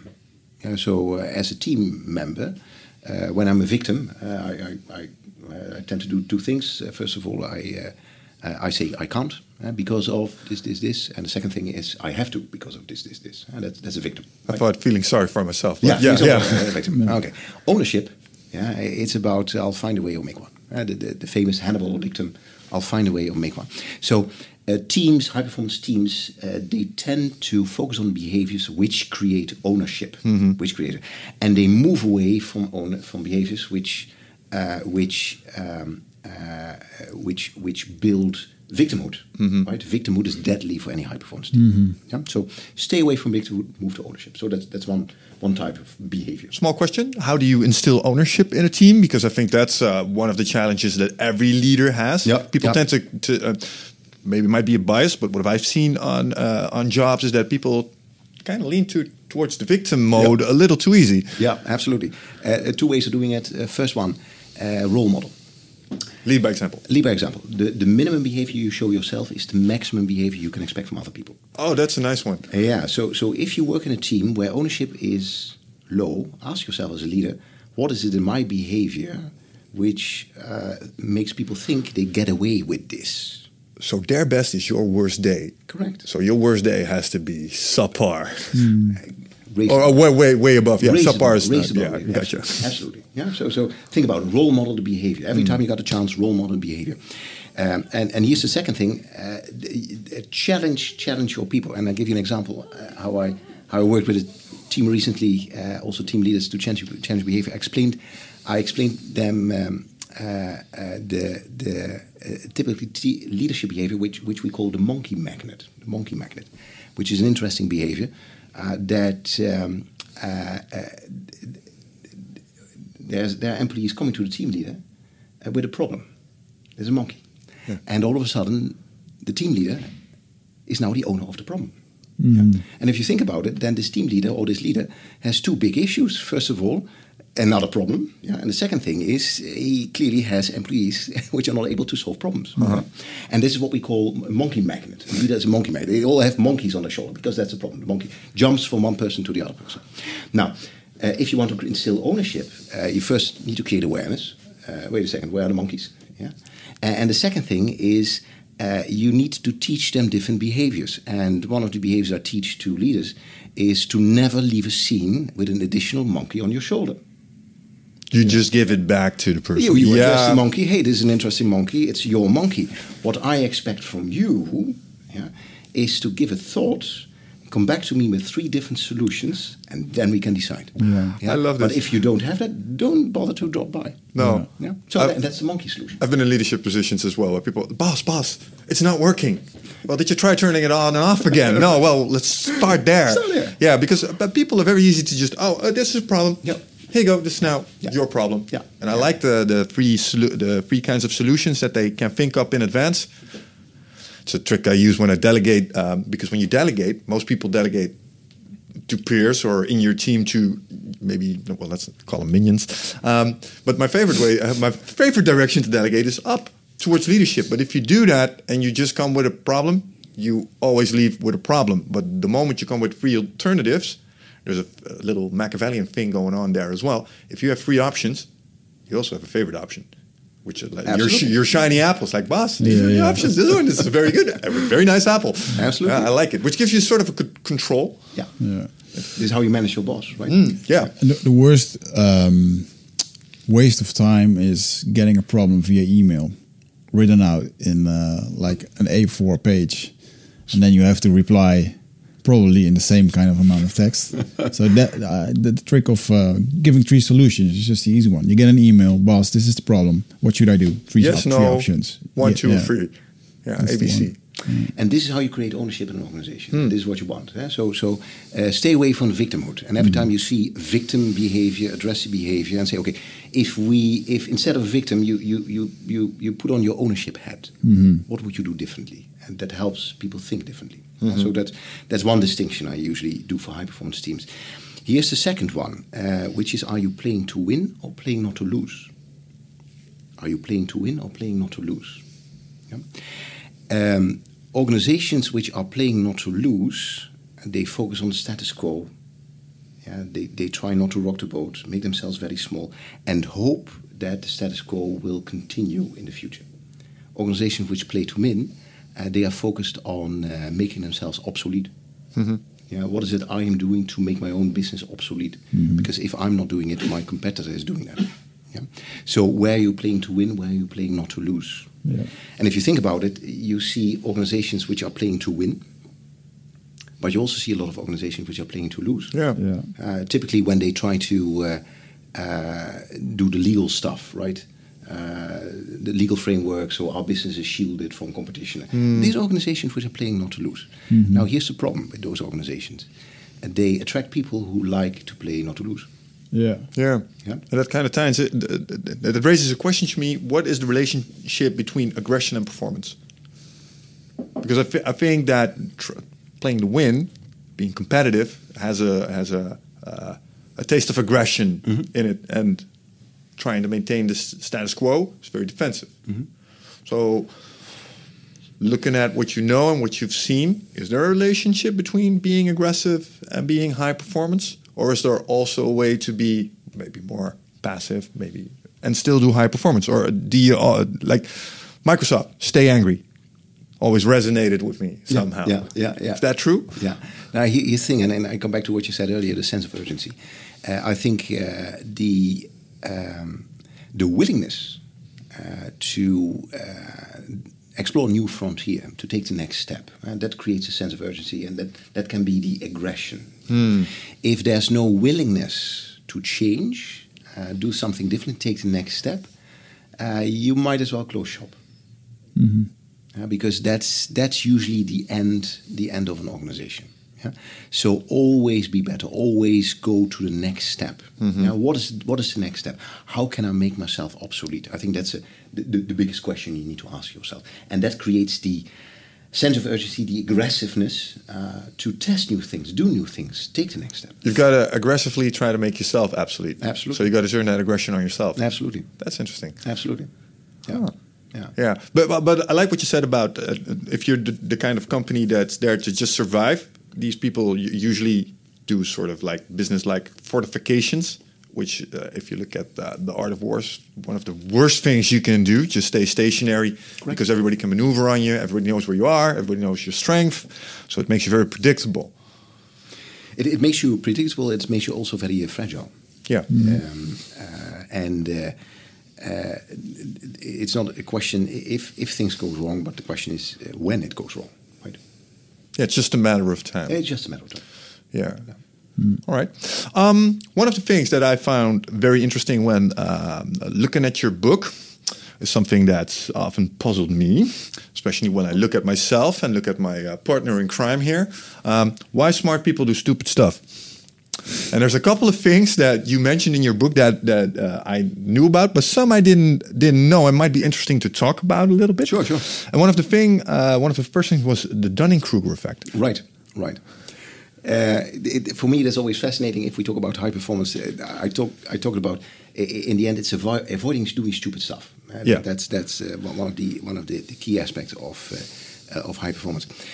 Um, now, we our, our, our, mental design is is um, not in such a way that we always think properly. It's not optimal. It's not optimal. And and it starts it starts with an interesting question: What's the purpose of thinking? What's the purpose of thinking? I've listened to your TED talk, so yeah, I, I won't know, answer. Yeah. if, you, if, you, ask that question, what's the purpose of thinking? They, they have philosophy to achieve goals and prevent risk. At, uh, lots of things, and mm-hmm. that's all true. Mm-hmm. If you ask that question to a brain scientist, she'll only have one answer, and, uh, and she will tell us that the purpose of thinking is to stop thinking. The purpose of thinking is to stop thinking. And, and what it means is that thinking is a, a high energy activity. It takes a lot of energy to think. So whenever we think, we try to think as short as possible and then we return to automatic pilot. Yeah. Um, over 95% of our life, we simply run on automatic pilot. Mm-hmm. Uh, you, you, you may have recognized that when you drive a car and you realize, oh, whoa, whoa what did I do in the past 10 minutes? Mm-hmm. Typically on automatic pilot. Now, what happens if you run your brain on automatic pilot, uh, you start to uh, breathe your own exhaust fumes, uh, myopic thinking, tunnel vision. Yeah, so you're no longer clear in thinking, and then you uh, think that you think, but in reality you're simply rearranging your own prejudices. You're echoing. You're echoing, echoing. Yeah, your own prejudices. You, you rearrange them. Okay, this is this is how it works. So um, affirming yourself along the way. I'm, uh, so, smart. I'm so smart. I've got it figured out. Yeah, yeah, I get it. And and you see it in a couple of uh, couple of uh, thinking biases. And uh, what you mentioned, the Dunning Kruger effect, is one of those thinking biases. And what the Dunning Kruger effect tells us is the less you know about a subject, the more you think you know about a subject. The less you know about a subject, the more you think you know about a subject. I was. Um, uh, watching the cooking channel uh, a couple of months ago with my wife, there was this chef mm-hmm. with, with, those knives, those fancy Japanese knives. They were cutting carrots. So I, said to Francesca, Francesca, uh, if you buy me this knife, uh, I, I, I, can be the chef too, right? Easy. And then they explained to me, if you want to become a chef, a master chef, uh, you will get a full year of uh, training on how to cut fruit and vegetables. Because the way you cut fruits and vegetables determines the texture, determines the taste. Mm. And that's the Dunning Kruger effect in action. Mm-hmm. The less you know about a subject, the more you think you know about a subject. I've heard this in uh, in the sports scene where where um, like uh, the, the, analogy of a shed. Everybody thinks they know how to build a shed, but if right. you actually start building a shed, it's way more complex. Yeah. And it's the same with people in the gym. Everybody knows how to become Arnold Schwarzenegger, right? Mm-hmm. But they don't know. So they, they have and it's no the, I think it's the same. All right. They know. So, so that, that's that's one reason why why we we simply do not uh, recognize complexity. We do not simply do not recognize our own mistakes. Right? We think we're doing well, but in reality we are lousy. Right? Lousy mm-hmm. in cooking. A, a second one, uh, which I often see, is uh, thinking in reverse. Thinking in reverse. And thinking in reverse, it's uh, as if you're looking uh, at the rear view mirror when you're driving a car and predict what's in front of you uh, simply by looking in your rear view mirror. And this is fine when the road is straight without any obstacles, but when there's a curve, you've got a big problem. Sounds like a very successful strategy. yeah, yeah, yeah, exactly. the, the, the scientific term is turkey thinking. Turkey thinking. Turkey thinking. Turkey thinking. And the reason is the turkey is absolutely convinced that the butcher loves it uh, because it is being taken care of for about 20 months. And uh, all of a sudden, Christmas arrives. Mm-hmm. And the world of the turkey changes radically. Mm-hmm. Right? And that's thinking in reverse. Past results, also prediction of future results. Right? Yeah. And that's very funny. So the, the, the uh, when I when I when I work with, with companies, when I work with teams, I always make the example of budget. Uh, every every August September in corporate environments, what happens? Well, we make budgets. How do you make budget? Well, we look at the budget of past year, and then we yeah. add a couple of percent, and then we hope that headquarters will uh, three months later it's there. Yeah, and that's thinking in reverse. Yeah, because this this this is okay until it isn't, right? Yeah, and this is typically how uh, how organizations deteriorate. Um, first gradually and then suddenly. That's the way it works. First gradually and then suddenly. So that, that's another thinking. It kind of accelerates in the end, is what you're saying. Yeah, yeah. yeah. All, all, of a sudden you fall off a cliff. Yeah, there's a tipping point, and then, then there's a tipping point. And here's the funny thing about the, the Turkey example. Uh, usually, the tipping point is at the height of complacency and satisfaction. Because it's if you look at the turkey, uh, after 20 months, the day before the butcher arrives, that is the day that the turkey has most of the data that life is good. Yeah. So that's the day that he's most satisfied and most sure that things are fine. Yeah. Yeah. So that's also a word of warning for organizations. The moment you are satisfied and think life is good, that is the riskiest moment you can have in your career. How do you keep vigilant? Um, a couple of uh, couple of ideas. Pre-mortem, we already discussed it. Yeah. yeah. Uh, that's one thing. The second thing is always focus on making yourself obsolete. Why is that? If you make yourself obsolete, what happens is you do your thinking for your competition. So you think before the competition starts, uh, thinking about making you obsolete. You're trying to get in the head of your opponent, and you're gonna you try to figure out what he would do to eliminate you, and you do that. Correct. get Correct. Yeah. Correct. So so you you you you move ahead, right? Uh, uh, so so that's that's a second strategy to to avoid to avoid uh, turkey thinking. The third one is zero based thinking. Knowing what I know right now, what what is it that I wouldn't do if I could do it all over again, and then all of a sudden you start to take out stuff which uh, expose you to risk. Yeah. Oh, but but wait, but, c- c- um, tapping into that. Uh, what did you call it? Zero. Zero based, Zero based thinking. Uh, what do you have against the number one? One based thinking. Yeah, you should avoid the number one. I read that somewhere. Yeah, yeah, one. Yeah, the, the, that's also what, what I say. If, if you look at uh, businesses, uh, one is the the most the most um, uh, dangerous number for any any uh, entrepreneur, any company. Uh, I got one vendor. I got uh, uh, one expert. I got one system. Yeah, from a risk perspective, Very vulnerable. that's very vulnerable. yeah. So so the, the trick is always to have more. Yeah. So so that and and if you are a business, if you are an entrepreneur, having one is bad. Being the one is very good, Yeah, that gives you all the power. and it gives you all the power. Yeah, vendor lock-in is a thing. Yeah, if unlocking a thing. Yeah. So so that's that's the different way of thinking. So that's why. I get it. All right, all right, nice, nice, nice. All right, so so going back to the list of uh, why uh, smart people do stupid things, uh, one that kind of, I don't know, maybe maybe maybe made me project a little uh, was where you speak about uh, the delusions of grandeur or uh, megalomania. yeah. Yeah. So yeah. what what exactly does that mean for people? Yeah, it, it, it means uh, also known as the God complex. And the God complex uh, uh, is um, uh, is to believe I'm, I'm good at one, one thing. Yeah. So uh, these skills automatically uh, translate to other areas as well. Right? Yeah. I'm a CEO, uh, so I'm excellent at running a business. Yeah, so that automatically makes me uh, an expert uh, on um, uh, politics. Or an expert or Oh, even a- entirely different area. different fields. Ah, Yeah. right. Yeah, gotcha. Yeah, yeah. So, so the, the God complex is is uh, is delusions of grandeur. Uh, uh, what what what what what what often happens, uh, especially with, with leaders and, and when professionals, again, is that they confuse skills with luck. They confuse skills with luck.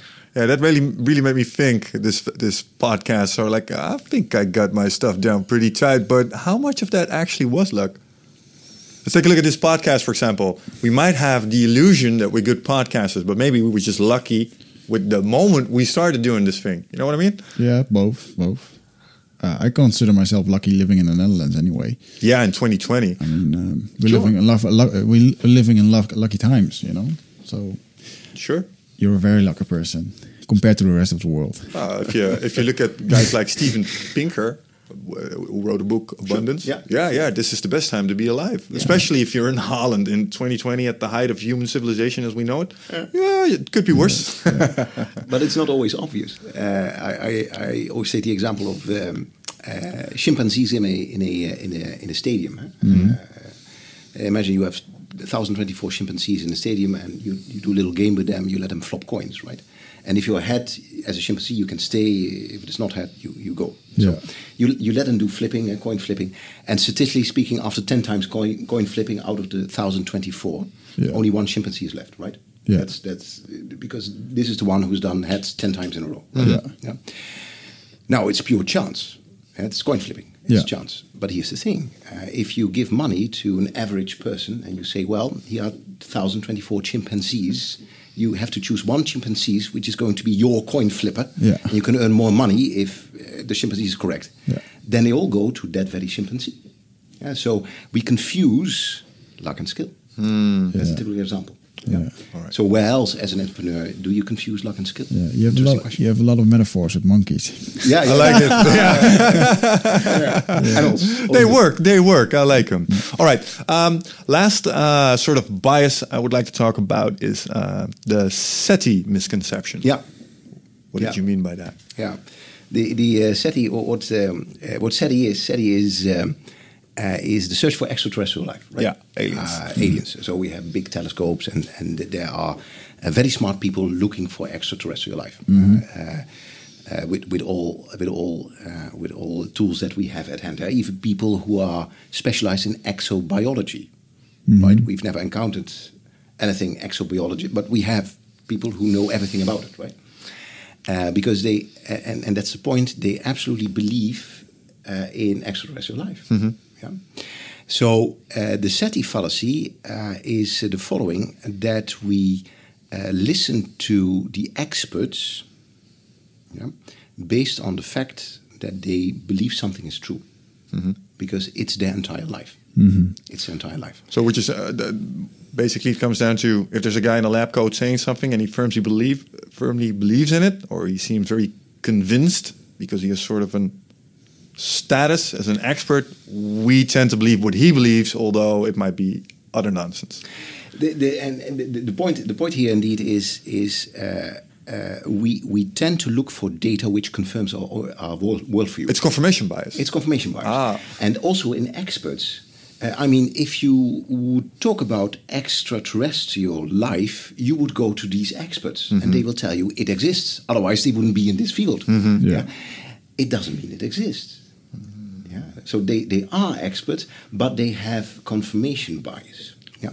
So so the point about the SETI, SETI fallacy uh, is uh, whenever you work with experts, yeah, uh, make sure that uh, they don't suffer from the confirmation bias. yeah, this I get it. And very relevant for AI tech guys yeah, yeah, at the absolutely. moment. Yeah, yeah, yeah. people say AI is going to uh, go- going to uh, rule the world, uh, and they are AI experts, they have invested their entire career in AI. Of course, you would say Yeah. that. Of course, and you might be right. I mean, mm-hmm. that's true. Mm-hmm. Here's the trick: if you really want to test an expert, the trick is what needs to happen in order for you to no longer believe your position. What needs to happen in Well- order for you to no longer believe your position? It's a deep question. That's a deep question. And for example, hmm. How would that work with SETI?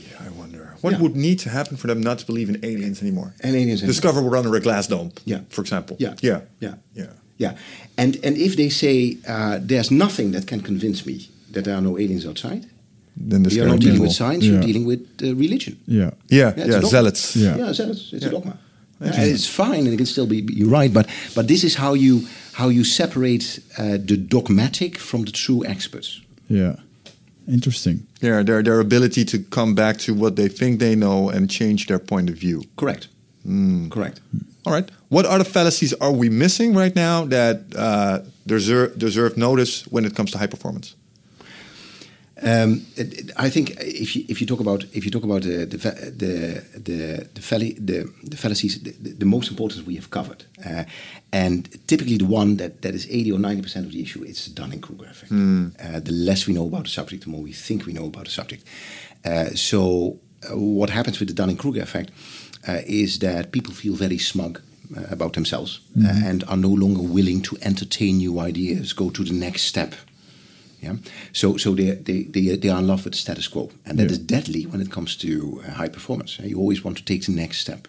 So I think if you talk about those fallacies, that is the most important one, which prevents uh, people, teams, organizations taking the next step. All right.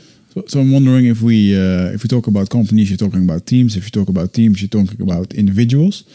Uh, and these individuals all have fears, sabotaging beliefs, and all that stuff. And that really goes to personal development, uh, personal growth. I was wondering, what's your point of view on um, making the change with the individual if it goes to sabotaging beliefs and, and fears and whatever the reasons are they don't want to change? Yeah, yeah. Um, if if I uh, if I work with individuals uh, about high performance, uh, I um, uh, when when I want to help them, there are three steps. Uh, the first step is awareness. Awareness. Uh, and, and we have discussions like this. Uh, we connect it to big goals, to what's in it for me, uh, limiting beliefs. And this is a conversation you typically have. Okay, awareness. Wait a second. And I always make the link with uh, it's not about necessarily about building new stuff. It's about getting rid of existing stuff, which is usually much easier for people. Unlearning. Unlearning. Yeah, the, the, the threshold is much lower. Is it true? Is it easier? Is it easier to unlearn than to learn new things? In my experience, it's much easier to unlearn than to uh, learn. Uh, I give an example. Again, the food example. Uh, if you're a smoker, uh, uh, unlearning smoking is not easy. But now with vaping and stuff like that, uh, there are roads of doing that. Much much easier to unlearn smoking than to start to try to run a marathon. Yeah. So, so that, Yeah. that's my point. Yeah. Um, so, so it's it's usually about unlearning stuff. Now, so that's that's one awareness. The second one is um, immersion. Uh, you need to unlearn habits. Uh, these are the habits you need to unlearn. The yes, but whatever it is. Now we need to immerse yourself in situations that you can practice not having that habit anymore. Yeah? So that's immersion. So how do we set up a system or process that you are immersed there? And the third one is repetition. Repetition, over and over and over again. It takes uh, 21 days to uh, build a new habit. Yeah. Right. Um, Which is the the lowest estimate. Yeah, the- the 66 yeah. days is right. also out there. Yeah, Yeah, It's, it's, a, it's, a, it's not a very complicated lab- habit. eh? The, the easy habits and, and difficult habits are. 21 days seems manageable. Yeah. I- I- I give you an example. If you move into a new home, uh, it will take you 21 days before your hand automatically finds light switches in your right? Yeah, Yeah. that's Yeah. the way it works. Yeah.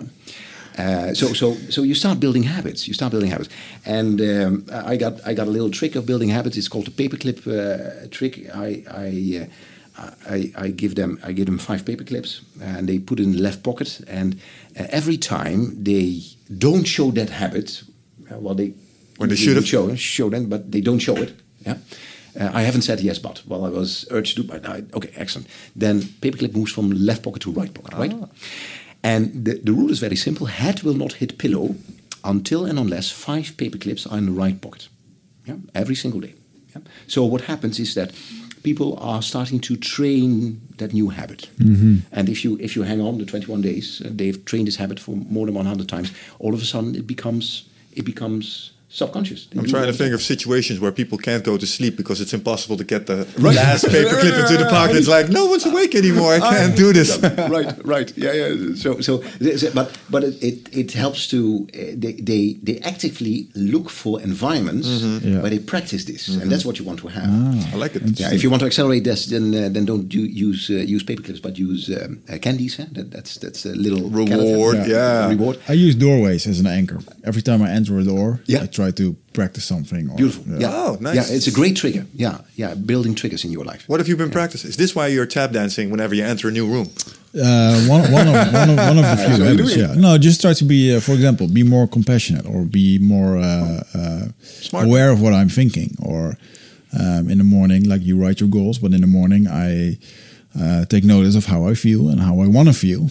And um, yeah, I truly believe that if you um, if you be aware of how you want to feel and just make that connection every time you walk into a door, like, hey, am I feeling what I want to feel? No, yes, no, and just you know try to stay. I actually try to uh, change my state of being. It reminds me of that if then Yeah, it's an anchor. loop. It's yeah, just it's an an if then anchor. loop. Yeah. Uh, but wasn't it Paul Paul Smith that Yeah, taught us about that? the- about special forces. yeah, yeah, like, yeah. If Exactly. this If, goes you want wrong, to do something, Yeah. then com- uh, you have to link it to something you're already doing, or if you want to unlearn something, you got to replace it with something new that you Yeah, do. Yeah. yeah. Uh, excellent, excellent approach. Excellent approach. Yeah, if then. If then, yeah. Yeah. I like it. All right. Um, we were talking about individuals, um, and one of the things that uh, maybe is not the same as performance, but surely ties into this is productivity. And I saw a couple of things that I use myself that I like a lot, but I also saw a couple of new things that I want to ask you about. Um, but the first thing I would like to know about when it comes to uh, productivity is um, your use of paper, pen and paper. I saw things about free notes. I saw mind mapping, uh, Cornell notes, which I didn't know about. I googled. I like it. I think I want to learn it. But can you speak a little uh, to that? Yeah, yeah. The, the, one, one of the parts uh, in in, uh, in my book uh, is about um, is about indeed about productivity, and and uh, what, what I found is um, there are moments that it's better to use pen and paper. Uh, something happens when you have a pencil in your hand. and Do you know what it is? For me, for me, it's unclear. I know that it works, so I, I'm very pragmatic. I do it, and I Yeah. and and. Uh, th- there, there is some research. Yeah, it's, it's about mind mapping. If you look at the, the mind map research, uh, also from a, a brain perspective, there are some explanations what happens if you work with different colors, different associations. Uh, David Allen talks about that. Uh, uh, David Allen talks about that a lot. Um, uh, but but pen and paper for me is a is a crucial tool, a crucial tool for uh, productivity. Yeah?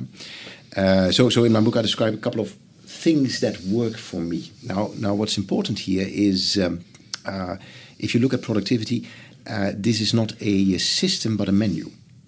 A menu, and what I mean with the, with a system, a system means these are the 100 steps, and if you miss step 79, unfortunately, it's not going to work. That's a system. Uh, a menu is these are 100 things that you can do. Pick the two or three things that work for you, test it, and then apply it. And this, this is, and if you talk about high performance, uh, if you talk about pen and paper, these examples, uh, in reality, it's about a menu. It's about a menu, never a system. Or these are the, the hundred steps I need to take. No, no, no. The menu, the two or three things that you need to do. So, pen and paper, very important for me to do my thinking, uh, to write down stuff, uh, get it out of my system. Uh, the, the the getting things done approach. Uh, never, never keep it in your in your brain uh, because that's not the place where you need to store ideas. And that's what you, what you meant with portable memory as well. And that's portable memory. Store it at a different place uh, where you can where you can uh, uh, review the ideas. Yeah, yeah. I've, I've been thinking about what it is about writing with pen and paper that makes it do what it does. And I think one aspect of it is because you're a fast thinker, and fast talker as well. Is I think you type at the same pace. Right. If I start writing down with pen and paper, it kind of slows down. So I Right. think more about what I do. And I also think there's an aspect, but this might be, I don't know, nonsense. But if you type something, you can delete it which you know the moment you type it. If I type something, it's gone with a swish of my mouse and a, a hit of the delete button. Right. This just, unless I use Tipp-Ex, it just stays there. Right. So I, I'm more conscious about what I write down, how I draw it. More attention goes into it, and the fact that I give more attention to it kind of makes something happen where I either remember it better or I integrate what I wrote down. It's the same when you use. Did you ever make cheat notes for a certain class? Sure. Probably. Yeah, you did. Yeah, definitely. Yeah. yeah, yeah did you yeah, really yeah, need yeah. it once you made it? Uh, so- sometimes, No. but in general, uh, yeah. At least my experience is every time I used the cheat notes, the, the moment I made them, I wrote them down in very small letters that took so much attention and focus that I remembered so well what I wrote down, I didn't need them anymore. Yeah. Yeah. For my last college college exams, I was using computer notes and made them so small that like a full A4 pager went like this, and it, you know, Yeah, yeah, yeah, yeah, yeah, yeah, yeah. I couldn't Font remember. I size cou- minus couldn't two. remember those ones, but uh, yeah, I know, I see what you mean. Yeah, I think the pen and paper thing is a cultural thing. It's been done for hundreds of years already, and it's it's. I, I truly believe that it's more of an um, ingrained thing in our DNA, Yeah. thinking, writing. I don't know. Do you ever have this feeling sometimes? I have it when I work in this book. Sometimes I wrote stuff down and I look at the page and the composition, I'm like, wow, this is a nicely written on page. Yeah. The handwriting is nice. There's a good spacing. I like the little drawings that I made. And sometimes you can look back at that and you can feel great. Like, this is nice. Uh, It's, a, work of art, right? Yeah, this, uh, what do you call it? Ambacht? Yeah, ambacht. Uh, yeah, yeah, yeah. Imagine writing a book f- three, four hundred years ago. Yeah, just doing that by It's hand. different, man. all- It's uh, a different piece of cake. Yeah. That's a monk's work. They don't call Yeah. it that for nothing. Yeah, definitely. it's a life life work. Could be a life work. All right. Um, one final question I have when it comes to um, productivity, uh, and it's a little trick that I use uh, myself as well, is the use of the unconscious brain. Because there's a lot of problem solving capability and capacity in other places than the front side of your head, uh, which you can just feed problems, come back to later, and they have answers, which is very efficient if you think about it. Yep. So, how does that work? The um, the the. the- First of all, there's a, indeed a split between the, the conscious and the and the, and the unconscious or the subconscious brain, and um, uh, the, the the trick if you want to engage in creativity, the trick is to engage the subconscious, uh, the thing that works 24 hours a day uh, at the background. Uh, works for you. Now, how do you engage the the subconscious? Um, there are a couple of techniques uh, that I found work like a charm. The first technique is the the ten goal exercise. I discussed it already. Uh, every day, write down the top ten goals that you want to achieve uh, half a year to a year from now, as if you already achieved those goals.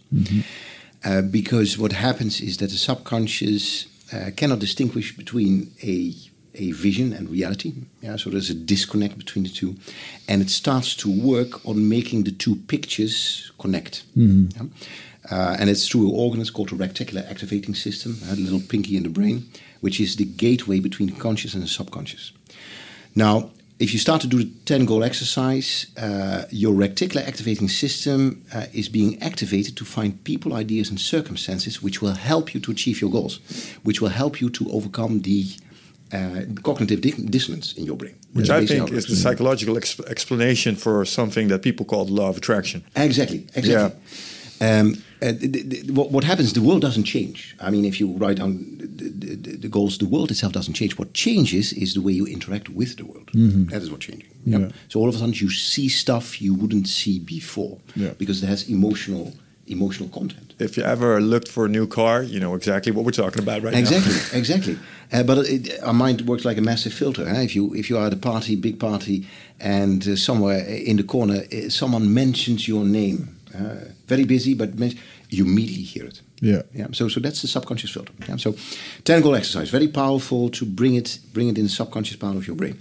Um, uh, the, the the second the second way I use the subconscious part of the brain uh, is um, uh, uh, the the the and, and I mentioned the, the, the twenty way. It's called a twenty way exercise.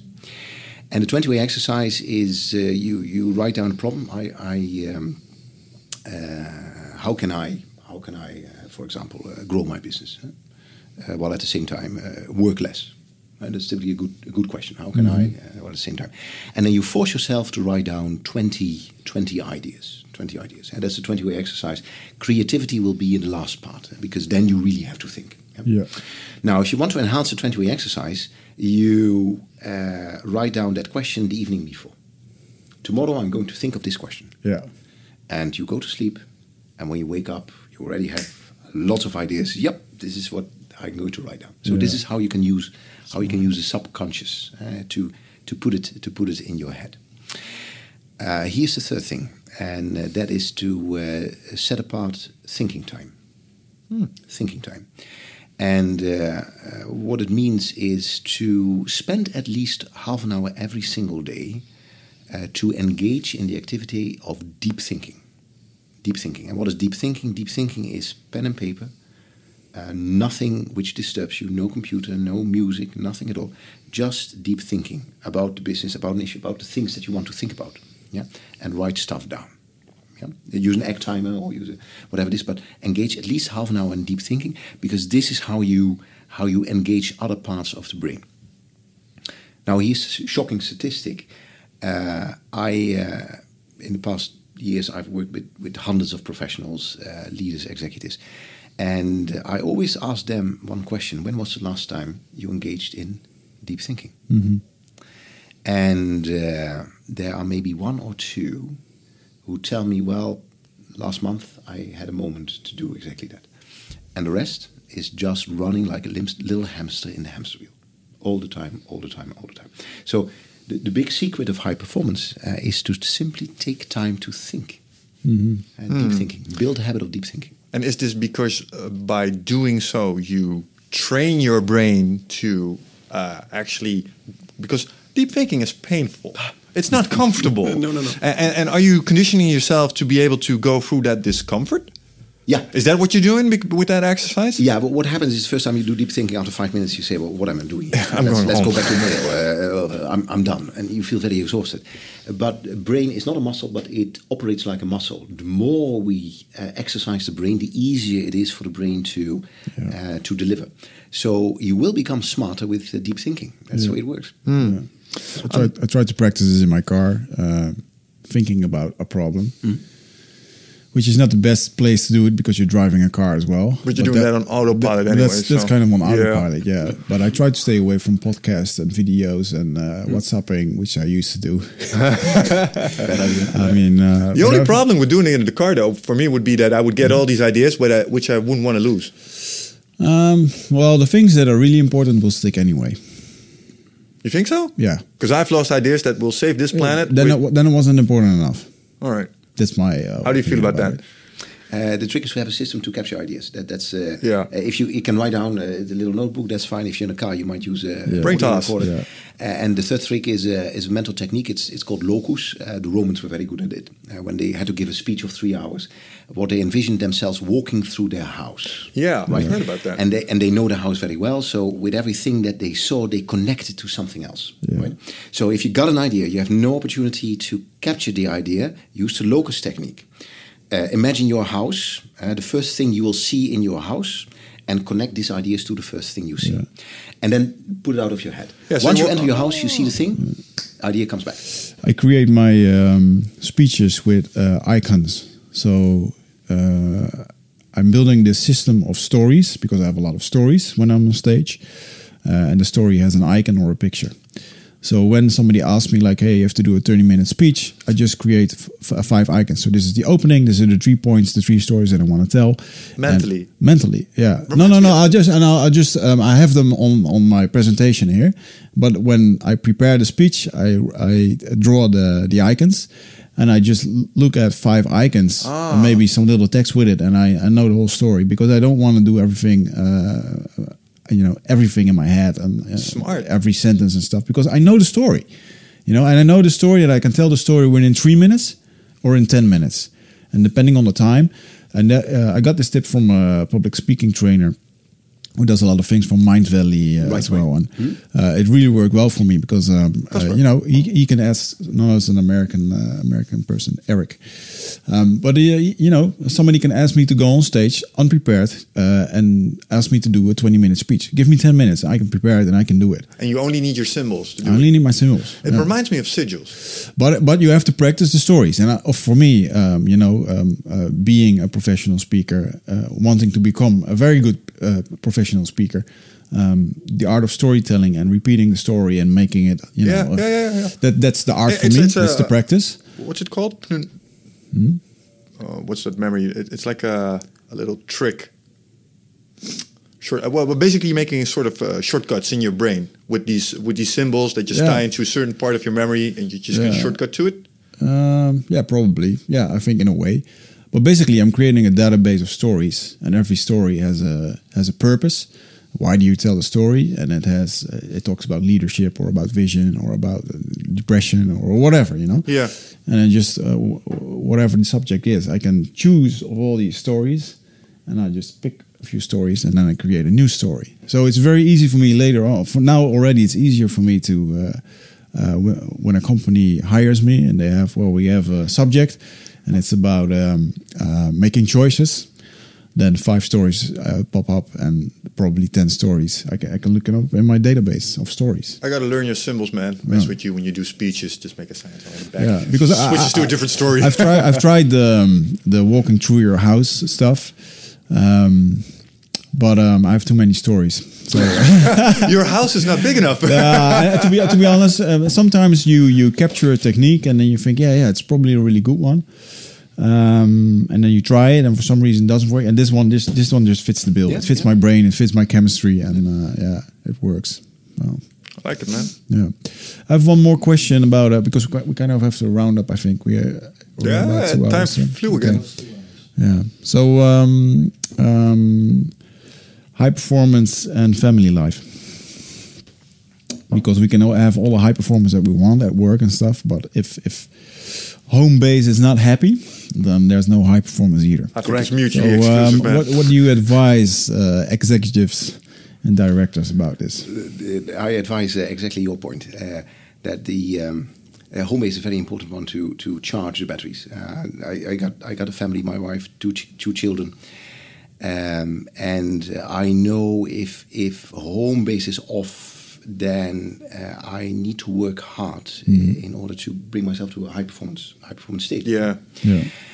Now, you, you, there are moments that the home base is off. Uh, children get ill, and um, and so that that happens. So it, it is important to have technique systems to ensure that, regardless of what happens, uh, if if you have to deliver, you you deliver, right? Uh, that- Yeah. that- it's important to have that. Uh, the other thing is to um, uh, what I found is uh, uh, to um, uh, to use to use some of the ideas that we've discussed here for yourself, but with your wife and children sparingly. Uh, don't- go overboard. Uh, they, they are not your project, right? So so uh, and and and and and uh, that's important because that, that relationship uh, is not about high performance, but it's about mutual understanding. It's about energy. It's about happiness, right? Yeah. So so it's a different setting, a different setting. So so I I I'm uh, I tend to be always hesitant to to use all these ideas on on on uh, on my wife and my children. Though what I do is that I take out a couple of things which I think are very important uh, to, to to manage home life. And the first one is uh, the application for um, raising kids. Um, uh, my my uh, my son is uh, 12, my daughter is nine.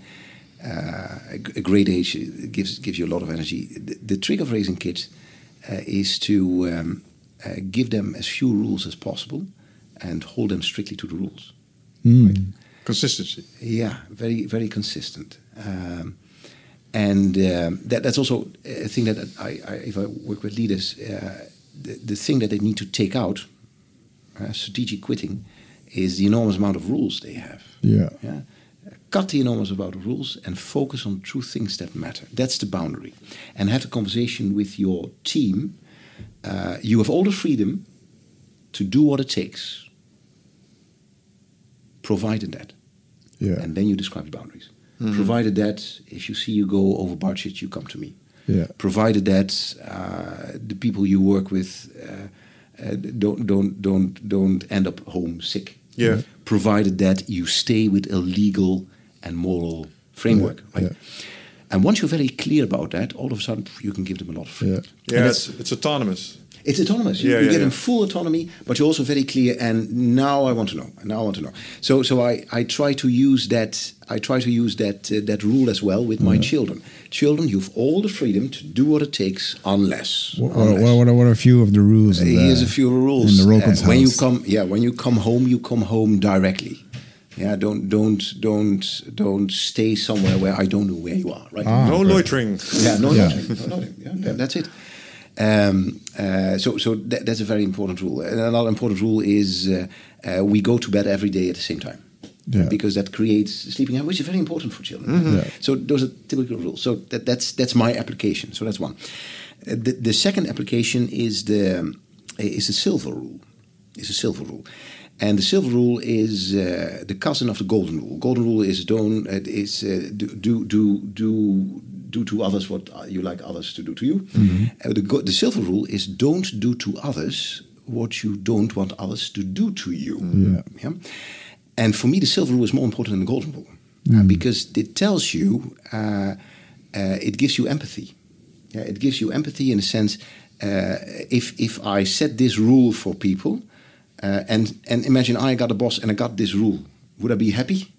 And if the answer is no, then I shouldn't do that for other people as well. The golden rule is more self-centered. More self-centered. Then, but the silver rule is, in my opinion, much more important. Mm-hmm. And this also, again, talking about the opposite. The opposite of things is often more important than what it is. Well, here's a bold suggestion. Why not turn it around? Why not make the silver rule the golden rule and We do platinum. Uh, the thing, right? platinum, diamond, rule, uh, adamantite, whatever. Uh, that's the, that's the way it works. That's the way. So so that's the second thing, right? So always be aware. Hey, the rules that I give, uh, do they do they adhere to the silver rule? Right. And and then the third thing is uh, that's something we uh, uh, we spoke. It's about strategic quitting.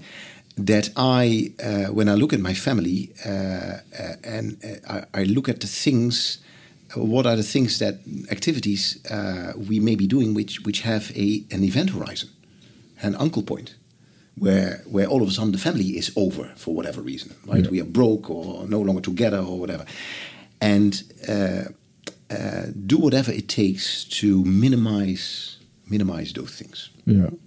right?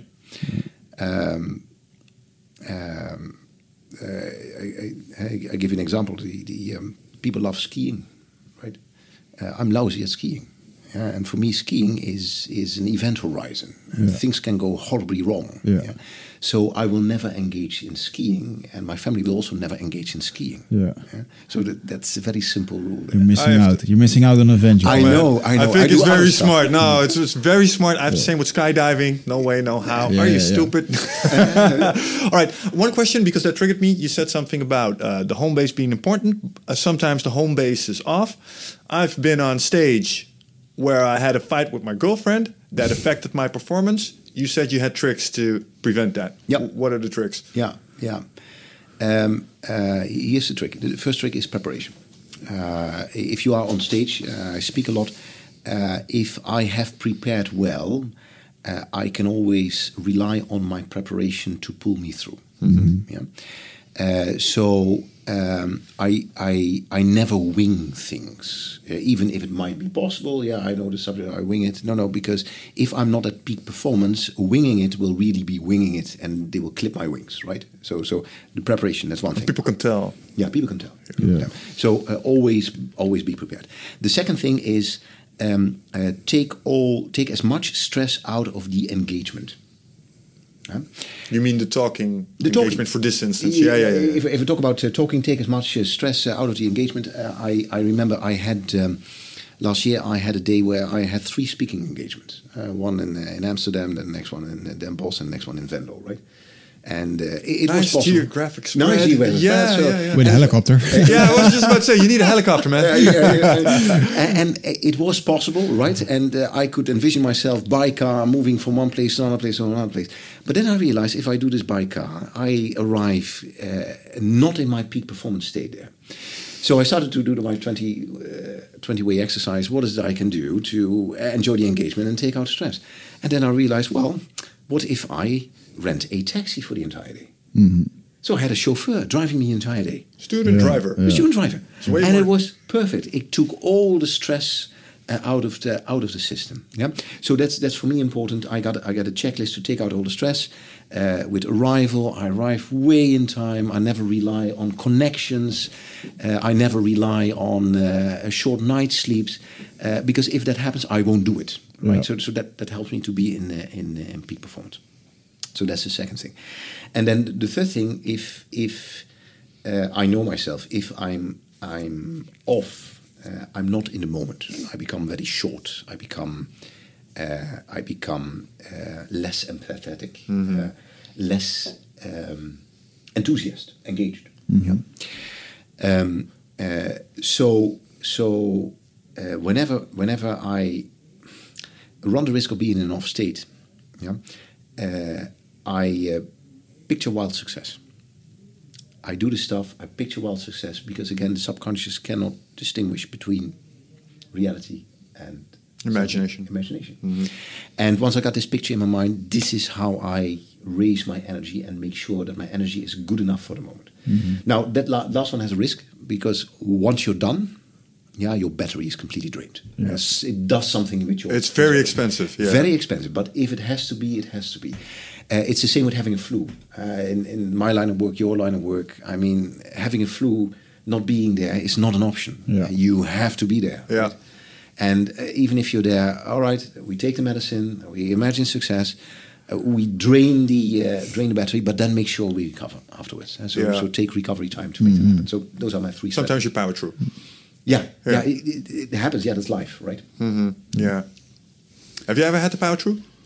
Uh, definitely, yeah. Um, last no, um, when I came out of the jungle after uh, a long while, um, I had um, what's it called? Epstein fire, Epstein virus, Epstein Barr virus, I know it, man. ziekte van Pfeiffer. Ah, yeah, yeah. I've not for disease. Yeah. Yeah. And um, yeah, basically they gave me um, uh, gave me a heads up two days before a speaking gig, and you can see the videos on YouTube where my face is just all swollen, my lymphs are swollen. Well, I just you know I just went there. I took a hotel, take out stress, no driving and Yeah, yeah, stuff. smart. Uh, went up stage, uh, did nice. Per- wasn't one of my best performances. And then uh, I went back home and I just told them like, "Hey, I'm on stage with Pfeiffer, but it's okay." Yeah. yeah I'm here. and uh, last week I had the power through with a what's a keelontsteking in Engels? Uh, throat throat infection. Throat Yeah, throat infection. infection, Yeah. I uh, uh, trained for eight months to participate in the first selection phase of the Dutch Special Forces.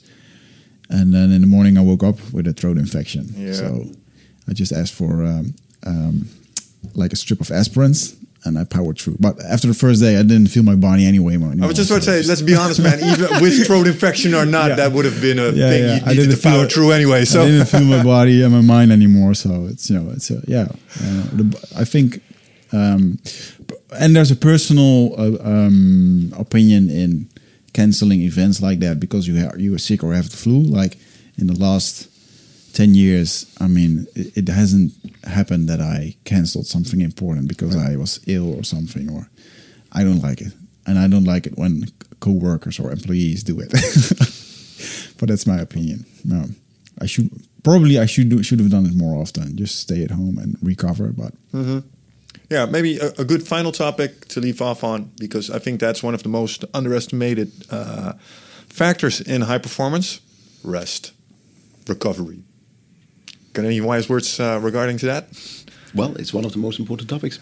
Yeah. Uh, the the again your ability to recover to uh, to charge the batteries uh, determines your performance. Uh, also here, and um, um, the, what, what I when, when I talk about high performance, I always think about rituals, how to recover. Uh, a ritual for me uh, to recover is uh, thinking time. Already mentioned it. Thinking time for me is now a recovery mechanism. eh? It's no longer hard to do it, but uh, it's, it's my little my little dome of silence where I do my thing. Right, that's recovery. Uh, Mental oasis. mental, the mental oasis. The mental oasis. Uh, sleep for me is also important. Uh, I'm, I'm very regular in sleep, very regular in sleep because I need I need to sleep, and I'm at peak performance when I sleep well. So that, that's very fine. And there's no need for me to to jeopardize the sleep. What's your sweet spo- spot in hours, sleep wise? Uh, sleep is, uh, between seven and eight hours. All I go to bed at ten. Uh, I wake up five thirty six. All right. Like that. Yeah. And then, then I have typically my golden hours, the hours that I'm most productive. For me, it's between seven and ten in the morning. Hmm. And that's where I do my deep thinking, my creative thinking, uh, the thing that I want to do. ignore your family. Yeah, but they have all the rituals, so I'm not worried about it. We build, we build that system. They know better, yeah. and and then and then uh, I you know every morning I exercise. Uh, I got exercise equipment at home, so I, I don't have to, to go somewhere. So it's, it's very Yeah. easy, low threshold to do what needs to be done, you know, to be in in peak shape. And then uh, and then uh, look at food. Uh, it's also important for me uh, to. Uh, to focus to focus on, on, on, on the food that energizes you that energizes you right? And, and usually that's not weird processed food eh, but it's something else. So I try to be uh, deliberate in that. And sometimes I uh, you do you do stuff that's okay. But but if it is a consistent habit then I'll immediately feel the energy low. Yeah. so so I've built rituals uh, how to recover. Now, the practical application for high performance individuals and teams, of course, next to the rituals, is in their work environment, uh, is um, the, the, the mental focus. How can I, can I do the same amount of work in half of the time? Yeah. That's an interesting focus. Because what happens if you start to focus on that one, then uh, all of a sudden you become much more efficient. You see ways in doing stuff, you see how to do strategic quitting, and all of a sudden you have time left. Now, the biggest mistake is to use this time left to start to run faster in your hamster wheel. More meetings. No, no, no, no. Once you created this time, then use the time to do deep thinking, uh, to recover, to make sure you exercise. So do the things that will help you for the future high performance.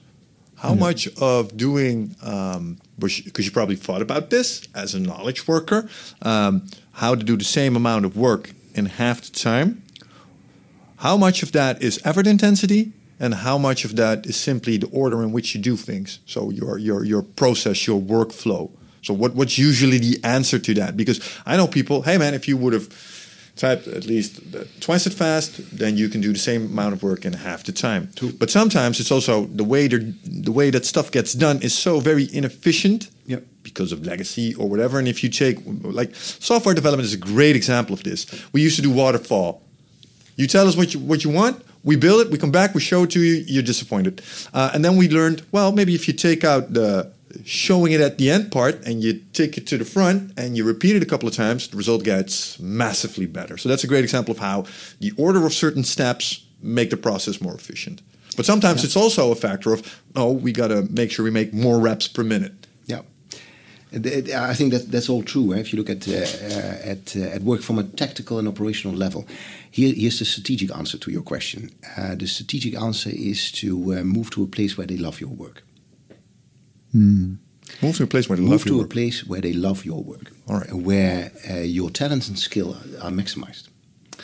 Uh, and and uh, I, I read an interview with the the the chief the chief technology officer of Microsoft a couple of years ago, and he said something interesting. He said, if you look at our programmers, software developers, uh, the one percent of the one percent of the one percent of the one percent of all our developers, they are up to a thousand times more efficient than the average program developer we have in Microsoft. And what he basically told uh, told told us is, if you look at Microsoft, thousands of program developers, software developers, but there are maybe maybe ten which really matter, and the rest is fluff, right? They just do the. They just do their coding work, and that's all fine. Coding monkeys. yeah, coding. monkeys. Those are the coding monkeys, yeah. Uh, aren't these other guys just called the architects? Uh, the- the- yeah, yeah, probably in, the, in that in that world, that's true. Now, now, what, what happens with those ten people?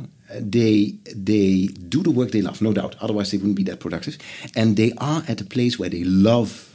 They are being loved. They love their work, so they are maximized in uh, maximum productive, maximum productive, and that's the strategic thinking. If you see, I want to uh, become more productive, save more time, then then all these tactics will work. But the strategic question is, what is it that I do, which is which is uh, the place where I love my work, the thing that I love to do, the highest and best use of your time, and then all of a sudden finding time is no longer an issue. Hmm, nice, interesting. But what if, and that, then we can, I think we can close this, po- close this podcast. Something we started uh, about when we we mentioned it. I saw you light up because you have an opinion on this. What if the place they love your work is a place where they use an open office?